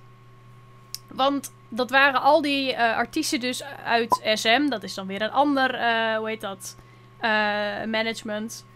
En die, die hebben dus al die populaire artiesten onder hun management... uit al die verschillende K-pop groeps in één groep gegooid... om een internationaal debuut te maken. En dat werd echt... Ze werden op een gegeven moment gelabeld door de media... als de Avengers van K-pop. En En BTS-fans die moesten daar gigantisch om lachen. Ik moest er ook gigantisch om lachen. Want het voelde echt alsof zeg maar, de Avengers werden ingeroepen om BTS te verslaan. En het is zo absurd. Want als je ook maar één artikel of eh, een interview of een filmpje van de jongens van BTS ziet, dan zie je dat zij er absoluut in it voor de music zijn. En zij kregen gisteren te horen van het record van eh, 101,1 miljoen views op de video. En hun reactie was echt zo van, oh cool. Ja, ja, ja. Fans zaten een beetje zo van, oké, nou daar hebben we dus al die moeite voor gedaan. Maar ze zijn ten eerste super humble, maar het boeit ze ook geen ruk. En Ik, ik, ik zit er nu over na te denken. Je kan Thanos kan je wel een 7 delen. en Thanos zelf, de handschoen en 5 Infinity Stones. En dan heb je de zeven leden van BTS. en dan is het wie, wie is Thanos? We- De, de, de indeling moet dan nog even bepaald worden. Absoluut. Ja, en of, eh, Blackpink, die hun interviews zijn veel meer gecontroleerd door het management. Dus zij krijgen die, die comments en die vragen niet echt. Dus ze zijn wat dat betreft wat meer media-trained daarover. Maar ik moest zo om lachen dat ze echt een reactie gaven. Zo van, oké, cool. nice. en weer verder. In hun laatste documentaire zit op een gegeven moment een scène in Wembley. En dat is een stadion waar 90.000 mensen in kunnen. Dat was uitverkocht. En ze komen binnen. En het eerste wat ze zeggen... Krijgen we dit wel vol? Zou je denken, komen er wel mensen? Hebben jullie enig idee hoe groot jullie zijn? Ja, maar fysiek is het altijd wat lastiger in te schatten dan digitaal. Want hoe cool ze dus zijn over digitale getallen. En dan zit van, oh, oké. En Maar dan inderdaad een stadion van 90.000, dat voelt gewoon veel meer of zoiets. Klopt. En dan was het tijdens het concert en dan zeiden ze van... "Oh, er zijn echt veel mensen. Er zijn veel mensen gekomen. En van ja, lieve schat, dat is uitverkocht. Ik heb mijn leveren moeten verkopen voor een kaartje. Ja, het was wat binnen een paar minuten uitverkocht, toch? Ja, dat was strijden. Ik kreeg PTSD als ik eraan denk. PT, Ja, BTS. PTSD. Die is volgens mij al vaker gemaakt. Helaas wel, ja. Ja. Hey chat. We zijn toegekomen aan eh, het eind van onze spreekbeurt. Nice. Ja, eh, we, hebben- we zijn eigenlijk iets meer... Oh, jemig, dat is hard in mijn oor. Dankjewel voor je bitches. Ik wou eigenlijk naar de hand even kijken wat er allemaal was binnengekomen. Maar thank you, thank you. Eh, ja, we zijn iets minder lang eh, doorgegaan op de topics die we hadden. Daarom is die laatste al een beetje uitgerekt. Maar ik wil jullie vragen of jullie nog vragen hebben over de topics die we besproken hebben. Of in het algemeen. Doe het dan nu. Eh, we zijn er nog. Nog. Nog wel. Aan mij, aan Don, aan ons allebei. Heb nog met Don? tips en... Ja, tips en tops inderdaad. En dat dan iedereen je gaat afzeiken. En dan één persoon op een gegeven moment medelijden heeft. En dan zegt van... Ja, maar ik vond het wel heel leuk hoor.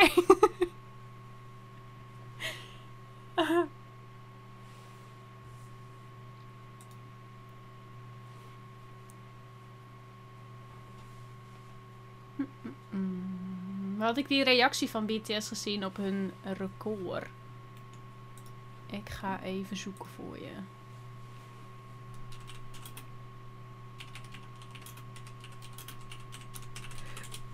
Mm, mm,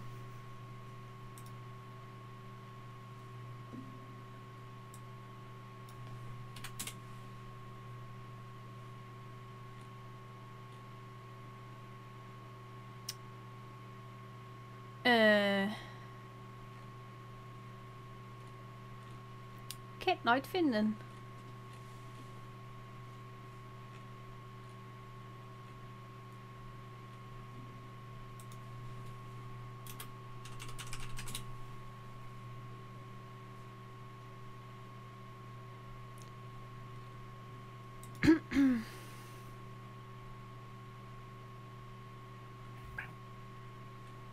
Ken jij Mark Rebier?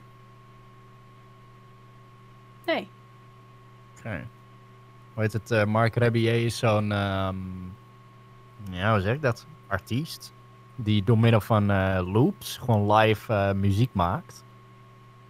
En laatst werd hij door Ice-T benaderd, volgens mij. Of Mhm. Ice-T kwam hem tegen op het internet. En volgens mij hebben die nu samengewerkt of zoiets. Oké. Eh, ik weet niet, toen ik dacht eh, dat voorbij zag komen, zo, oh, dat is interessant. Ja, ik, ik ken hem niet, sorry. Ja, je, je moet eens een keer Mar- Mark Rebier opzoeken, want ik typ het wel even naar je. Het is echt een enorm grappige gozer, want zijn... eh,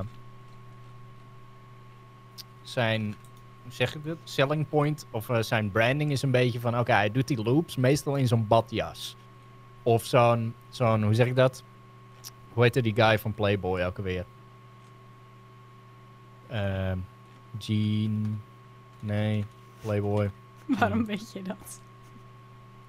Ik weet niet, die baas van Playboy. Nou, die had altijd zo'n zo'n soort badjas ding aan. Hugh En, eh, Hefner? Hugh Hefner, ja, Gene. Hoe kom ik op Gene? Hugh Hefner. Zo'n soort, zeg maar, jas, dat heeft die Mark heeft hij altijd aan. En als, het, als, het- als hij zijn hoogtepunt, zeg maar, in zijn nummer of in zijn optreden behaalt, dan gaat hij altijd uit. En dan staat hij gewoon in zijn onderbroek. Dus, eh, ja, dat. Oh, ja. Ja, Ah, Ja. dat is branding, Ja, I guess. het klopt wel. Eh, ik, zie, ik zie inderdaad nog eentje voorbij komen, wat ik ook op Twitter had gelezen. Ik moet eerlijk zeggen dat ik Black Panther dus nooit gezien heb. Ik heb sowieso helemaal niks met die Marvel films, maar ik lag dat, las dat de acteur Chadwick Boseman eh, Is overleden, inderdaad. It is with immeasurable grief that we confirm the passing of Chadwick Boseman. He was diagnosed with stage 3 colon cancer in 2016, battled with it these last four years as, is, as it progressed to stage 4. Hij heeft, eh, las ik, 10 films in die vier jaar heeft hij ingeacteerd. Ja, helemaal lijp. Ja. Het is eigenlijk die hele ja, periode van eh, die, die Marvel eh, Cinematic Universe eh, kwam toen voorbij. Ja. En dat zijn karakter een grote rol begon te krijgen. En gewoon eigenlijk tijden, of tussendoor met de chemo's, et cetera, heeft hij gewoon geacteerd. Ja. Ik las dat hij ontzettend veel ook voor, voor kinderen met kanker heeft gedaan. Ja, goede doelen en eh langs gaan bij ziekenhuizen, dat soort dingen. En hij was natuurlijk, kijk, dat, dat weet ik dan wel.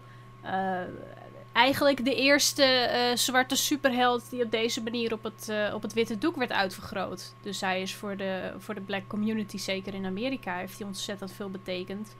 Mhm.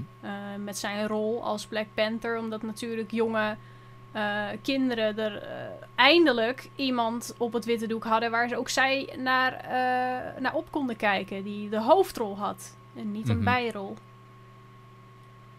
En ik zie inderdaad ja, dat niemand wist dat hij dus kanker had. Nee, dat was heel erg verborgen inderdaad. En ik zag zo'n filmpje net op eh 9gag voorbij komen. Wacht, die kan je anders wel even laten zien. Ik weet niet van wanneer die exact is. Maar dan wordt er zeg maar door zo'n interviewer wordt gevraagd van... Komt er nog een Black Panther 2? En dan zegt hij van nee, dan ben ik dood. En dan zit je echt van, huh, wat, wat, als het te plekke zeg maar, dan zeg je, oh, dat is een beetje een vreemde opmerking. En dan hoor je dit achteraf en denk je van, ja, Ja, ik laat het even... Oh, sorry. two. Anything? I'm dead. No, we're not ready for you to be dead, But Chadwick. I am. What about Black Panther 2? Anything? I'm dead. Ja, dat is triest. Dat is dat is, triest. dat, dat is hartverscheurend. Ja, echt absoluut. heel bewonderend waardig. Want hij heeft echt hij heeft een gigantische legacy achtergelaten. En hij heeft Mhm. het al die jaren dus in die zin niet voor zichzelf gedaan. Maar voor zijn community en voor kinderen die naar hem opkeken. Wat een man.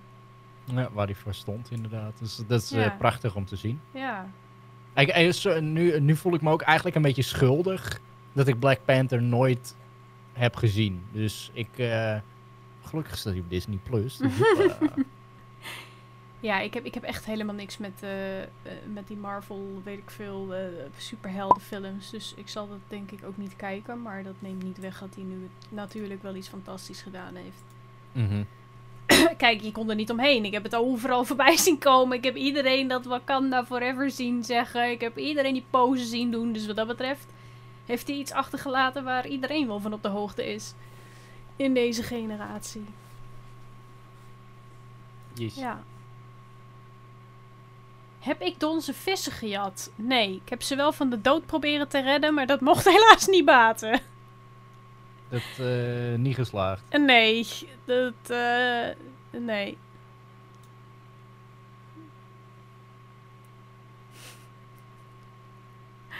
F, ja. Aan het eind van de dag kon Don er ook weinig aan doen. I tried. Maar eh, ik denk dat ik te laat was of zo. Ik, ik weet niet. Ja. Je was er gewoon niet op voorbereid. Je wist helemaal niks over het verzorgen van vissen. Dus Nope. Link had je die dingen gewoon nooit moeten geven. Eens. Maar ja, views hè. Ja. Views gaan boven dierenlevens. Dat weten we allemaal.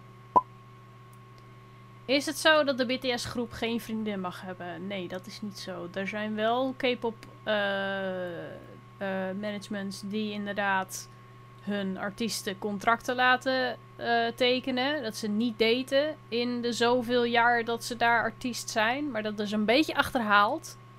En wordt niet nageleefd en eigenlijk ook niet meer gedaan. En dat is bij BTS al helemaal niet zo. Eh, er is alleen gewoon als ze zeg maar. Als zij er nu mee eh, naar buiten zouden komen dat zij een vriendin hebben of een vriend hebben, dan. ja. Dan is het zo'n gedoe voor hun. Dan zouden ze meteen alle privacy in hun relatie zouden ze kwijt zijn. Dus ik denk al zouden ze een vriendin hebben. Of een vriend. Al zouden ze getrouwd zijn met kinderen. Dan duurt het toch wel even voordat wij erachter komen. Ja, zulke soort publiciteit fokt er eh, relaties op. ja, hè? Ja, nee, maar eh, het, daar, daar hebben wij al een klein beetje van geproefd. Kan je nagaan als je wereldwijd bekend bent. Ja. Maar ja. Zou ik K-pop artiest willen zijn? Eh, Nee. Dat, eh, Nee. dat, nee. Jij? Nee. Nee. Zie je mij al wheezend op het podium? Eerste nummer.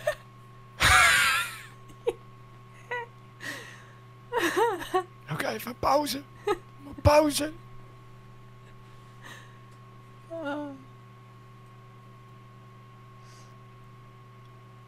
Pokémon zou een vriend hebben, gelijk met de kijkers. Hoe denken wij daarover? Ja, daar hebben we het ook wel over gehad in de podcast van Daniel. eh, Of de talkshow van Daniel vorige week. Maar dat vond ik best wel een interessant topic. Eh, Nou ik eraan denk, had ik hem eigenlijk wel inderdaad eh, willen toevoegen in deze. Heb jij dat meegekregen, Don? Simps! Nou. Nou ja, hoe heet het? Wij hebben dat ook wel eens, zeg maar, da- daarover gehad.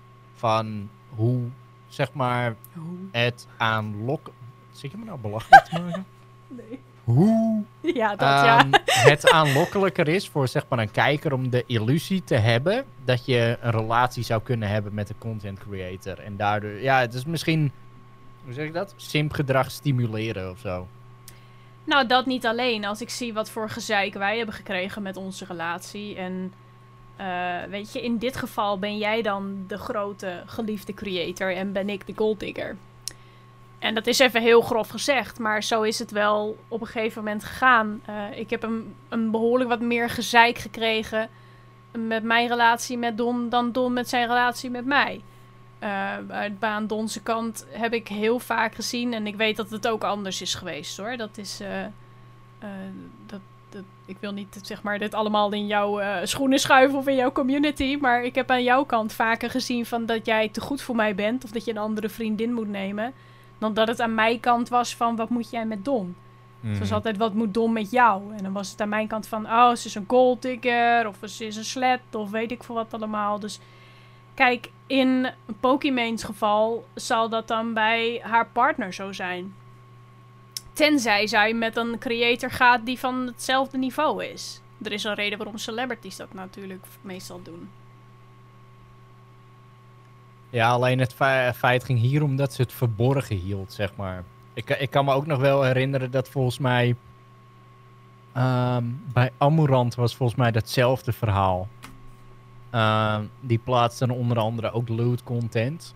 Maar die zou dan hebben gelogen, of gelogen, dat je daar überhaupt over kan liegen, zeg maar.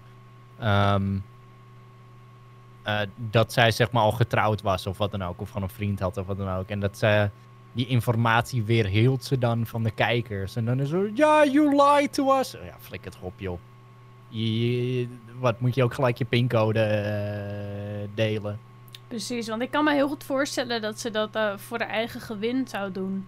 Omdat dan inderdaad, eh, nou, de Sims, dat die dan weggaan. Maar ik kan me inderdaad ook voorstellen dat je dat voor de privacy van je, van je vriend of vriendin doet. Want kijk, je kiest er natuurlijk op een gegeven moment bewust voor om met iemand een relatie te hebben die een online persoonlijkheid heeft. Maar als het niet hoeft, dan ben je natuurlijk niet verplicht om die persoon daar ook aan bloot te stellen. Ja. En zeker als je streamer bent, op het moment dat de camera uitgaat, dan ben jij offline. En dan kan je in je eigen omgeving doen en laten wat je wil. Ik zie zeggen, nee man, iedereen die Don volgt vindt jou cute. Dat is echt wel heel schattig. Maar dat was in het begin niet zo. Dat Geef was een niet. Zo, gewenningsperiode. ja, zo gaat dat. Maar nee, er is wel een hele, hele, dus behoorlijk wat backlash over geweest toen. Maar dat, eh, ja, dat moesten wij ook leren, hoe we daarmee omgingen. En wij hebben ook wel eens ehm, het erover gehad inderdaad, van eh, of we het niet allemaal een beetje vaag moesten houden. Mhm. En zeker vanuit mijn kant, eh, voor jou inderdaad, nou, voor mij vanuit jou inderdaad als een stukje bescherming. Maar ook van, eh, het had bij ons een, een omgekeerd effect. Er gingen meer mensen naar mijn kanaal toen als ze wisten dat ik jouw vriendin was, dan dat ze dachten dat ik single was. En dat pakte voor mij aan de ene kant eh, positief uit, want ik natuurlijk een heleboel volgers erbij kreeg. Maar die volgers die kwamen niet altijd voor mij. Dus ik moest, eh, ondanks dat ik dat al op kleine schaal had, moest ik me, tenminste dat gevoel had ik, dat ik mezelf echt moest bewijzen tegenover het publiek dat ik gewoon interessant genoeg was om zelf te volgen. Ja. En toen hebben we inderdaad wel eens discussies erover gehad. Zo van, eh, gaan we dingen met elkaar posten op social media of doen we dat niet? Houden we het vaag of doen we dat niet? Nou, nu hebben we een beetje scheid aan alles. Yeah. Maar ik denk dat mensen het ook wel weten. Ja. Doe, ik, ik ga nu meer. Ik denk er nu wel vaker bij na. Het wat ik, wat ik met jou deel. Ik hou het vrij oppervlakkig. Mhm. Maar in, in mijn streams of in mijn podcast ben ik wel eens ja, wat persoonlijker. Maar daar denk ik altijd wel goed bij na. Ik flap er nooit zomaar iets uit wat ik zeg maar niet had moeten doen over onze relatie of privélevens of wat dan ook. Phew. ik heb nog nooit. Ja, oké.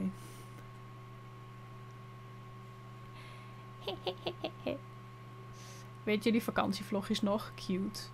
Wat daar allemaal gebeurd is. Oh.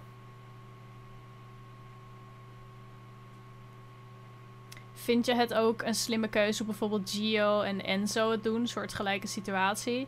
Wat betreft Gio en, My of, eh, Gio en Myron. Nou, dat is een schandaal. Nee, Enzo en Myron heb ik een beetje zoiets van... eh, zij zullen ook wel ervaring... Ja, Enzo heeft natuurlijk ervaringen met D. Maar ze zullen het om zich heen ook wel gezien hebben. eh, hoe andere creators dat doen. En ik denk dat zij juist zo transparant mogelijk hebben willen zijn. Iedereen die heeft het gevoel dat zij van alles eh, eh, zeg maar verborgen houden en zo. Maar ik denk dat Enzo wat dat betreft nuchter genoeg is om te weten dat je niet zomaar van de een op de andere dag een relatie hebt. En kijkers die verwachten dat altijd een beetje. Dat als je zeg maar iemand zoent of veel met iemand omgaat of lief naar iemand toe doet, dan moet je gelijk een relatie hebben. Terwijl een heleboel YouTubers juist daten en dan eh, na een tijdje bedenken van, goh, is een relatie ook een idee? Ja, maar zij zit ook eh, wat dat betreft in een ander bootje dan wij, aangezien ze dagelijkse vloggers zijn. En dan deel je al best wel veel van jezelf constant en wat je aan het doen bent. Klopt. Daarom eh, enigszins eh, aan de andere kant wel bewondering ervoor dat ze dat zo lang volhouden. Eh, als, ik, als ik dat zou moeten doen, ik zou helemaal gek worden. Ik zou zo mezelf verliezen in gewoon het video maken. En het zal me ook niks verbazen dat zij zichzelf al hebben verloren in het video maken. En dat het meer draait om, wacht, ik pak de camera erbij, want ik wil dit op beeld hebben. In plaats Mhm. van gewoon daadwerkelijk een moment hebben. Ja. Vind het ook heel slim van Harm hoe hij het deed met een nieuwe relatie. Heeft Harm een nieuwe relatie? Nou ja, ja, goed gedaan dus. Link doet het ook goed. Hij houdt zijn vriendinnen nu ook lekker buiten. Ja, maar hij is totaal niet, eh, niet geheimzinnig erover. Nee, maar het is gewoon geen, geen content ermee of zoiets. Denk ik. Ik denk dat, dat het Nederlandse publiek ook wel iets geleerd heeft. En dat ze niet zo heel gauw meer eh, vooroordelen zullen, zullen hebben. Ik denk dat een heleboel mensen inmiddels wel zoiets hebben van, ach, laat ze lekker.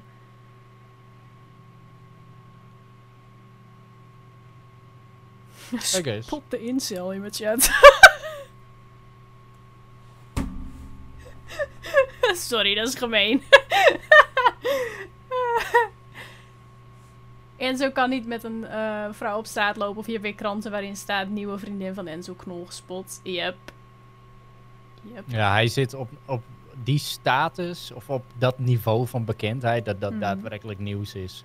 Nou ja, jij op zich ook wel, maar ik denk ook dat het een kwestie is van of je het toelaat of niet. Want jij hebt op een gegeven moment, wat was het, met, met het jeugdjournaal of zo, en toen je vragen kreeg.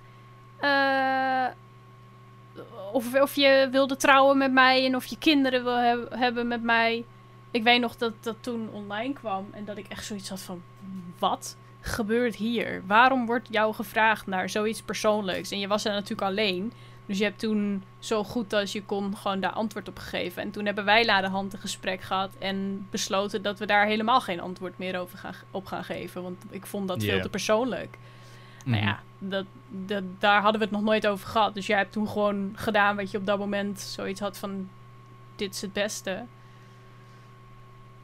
Maar ik vond het zo absurd... dat daar naar gevraagd werd gewoon. ik weet ja, niet. Eigenlijk, eigenlijk zouden inderdaad gewoon bekendheden in het algemeen. Ik heb toevallig vandaag had ik echt nog filmpjes bekeken van gewoon bekendheden die ongemakkelijke vragen werden gesteld. Maar als gewoon zeg maar bekendheden gewoon vanaf het begin eigenlijk zitten van nee, gaat je geen reet aan. En daar gewoon voet bij stuk houden. Dat je niet constant voor elke actie die je doet hoeft te verantwoorden. Eh, ik denk dat dat voor de mentale gesteldheid van bekendheden echt stukken beter zal zijn. Klopt, absoluut.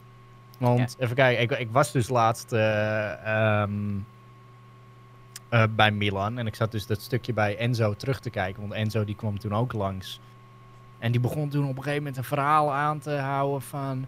Ja, Malino eet, eh, eet dus geen eikels, want er zit dus blijkbaar een gif in. Zodat je je daarom hoeft te verantwoorden. Kut toch op, joh. En dat is omdat je eigenlijk toelaat dat mensen zo vaak met je meekijken. Dat ik zeg van ja, flikker op joh. Ga even lekker anders eh, dierenarts-expert zitten wezen of zo. Maar hoe was dat voor jou op dat moment dat je die vraag kreeg? Want ik kan me voorstellen dat je op, zo, op dat moment iets had van... Oké, waarom willen jullie dat weten? Ben ik zo interessant? Wat van dat jeugdjournaal. eh, ja. eh, was het niet zo'n kijkersvraag? Ik, ik weet niet meer. Nee, volgens mij, heb je, eh, volgens mij heb je er ook op een. Misschien dat dat ook wel ergens anders was. Maar je hebt dat toen. In een. Ja, in een. Nee, het was een, een krantenartikel. Nee, een, een, online artikel. Ik, ik weet niet meer wat het was, maar ik zweer dat ik het gelezen heb, jouw antwoord. Mm, dat zou best kunnen. Ja, ik weet niet meer. Ja. Aan de ja, het voelt zeg maar. Als je zo'n vraag krijgt van. Kut, al zeg ik. eh, het, je staat in een soort van tweestrijd. Van. Oké, ik ga hier. Ik kan hier antwoord op geven. En dan moet ik het gewoon zo. genuanceerd mogelijk eh, eh, neerzetten. Eh, wat. Ja, niet per se een leugen is, maar ook weer niet de volledige waarheid. Of je kan zeg maar gewoon de complete vraag weigeren. En dan een soort van, hoe zeg ik dat, suspicion opwekken. Ja. Maar aan de andere kant, ja, nu ik, er, nu ik wellicht wat ouder ben geworden en zit van, ja, flikker ook eigenlijk maar op, wil ik het niet over hebben. En dan gewoon zitten van, fuck denkt maar lekker wat je wil, ik wil het er niet over hebben. Nee, ja, het was de eerste keer voor mij dat, dat ik eigenlijk een realisatie had van eh, hoe groot jij eigenlijk bent. En dat inderdaad de traditionele media zelfs interesse heeft in wat jij doet. Dat was eh, ja, wel een gekke gewaarwording. Ja. Ja, is het ook. Slaat ik nergens op. Ah, je hebt dat ook niet veel meer gehad in de tussentijd. Of wijs je het gewoon af? Eh, ik wijs het af. ik bedoel, ik krijg nog genoeg verzoeken voor interviews en wat dan ook. Maar er zit van, nee, geen zin in. Pas op hoor, straks staan, je, staan ze voor je deur. Ja, ja mogen ze Burgers. willen. nee joh. Ik eh, denk dat we er echt wel eh, doorheen zijn. En wat dat betreft, persoonlijk, eh, probeer ik daar ook een beetje een, een voorbeeld in te vinden. En ik denk dat, om even lekker veer in zijn reet te steken, ik denk dat PewDiePie nu een prima balans heeft gevonden in privacy en, en werk, zeg maar. En ik denk dat daar veel mensen van kunnen leren. Hij heeft ook veel meer dingen nu achter een paywall staan. Daar heb ik eigenlijk een stuk minder eh, negativiteit over gelezen dan ik eigenlijk verwacht had. Want hij doet heel veel voor zijn YouTube ehm, betaalde abonnees nu. Mhm. En dat is toch allemaal iets persoonlijker ook. Jawel, ik denk dat maar hij dat ook wel dat, goed gedaan heeft. dat, dat, eh, dat geld wat hij daarmee opbrengt, eh, gaat maandelijks naar een goed doel. En dan Ja, kiest maar hij naar aanleiding... maakt het niet uit. Het is gewoon zo van mensen betalen ervoor om een andere kant van hem te zien. I guess. Ik, ja, ik weet dus niet. Ik, weet, ja, ik betaal er zelf niet voor. Dus ik weet niet hoe persoonlijk hij daar wordt. Ah, Jasper die is op hem gesubt. Ah, oké.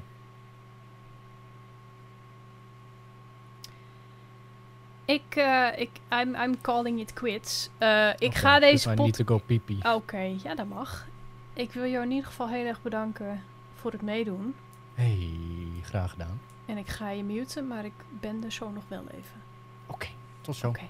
Tot zo. Ja, jongens en meisjes. eh, alles erbuiten en alles ertussen. Ik wil jullie bedanken voor het kijken en luisteren naar deze podcast. En dus, eh, ja,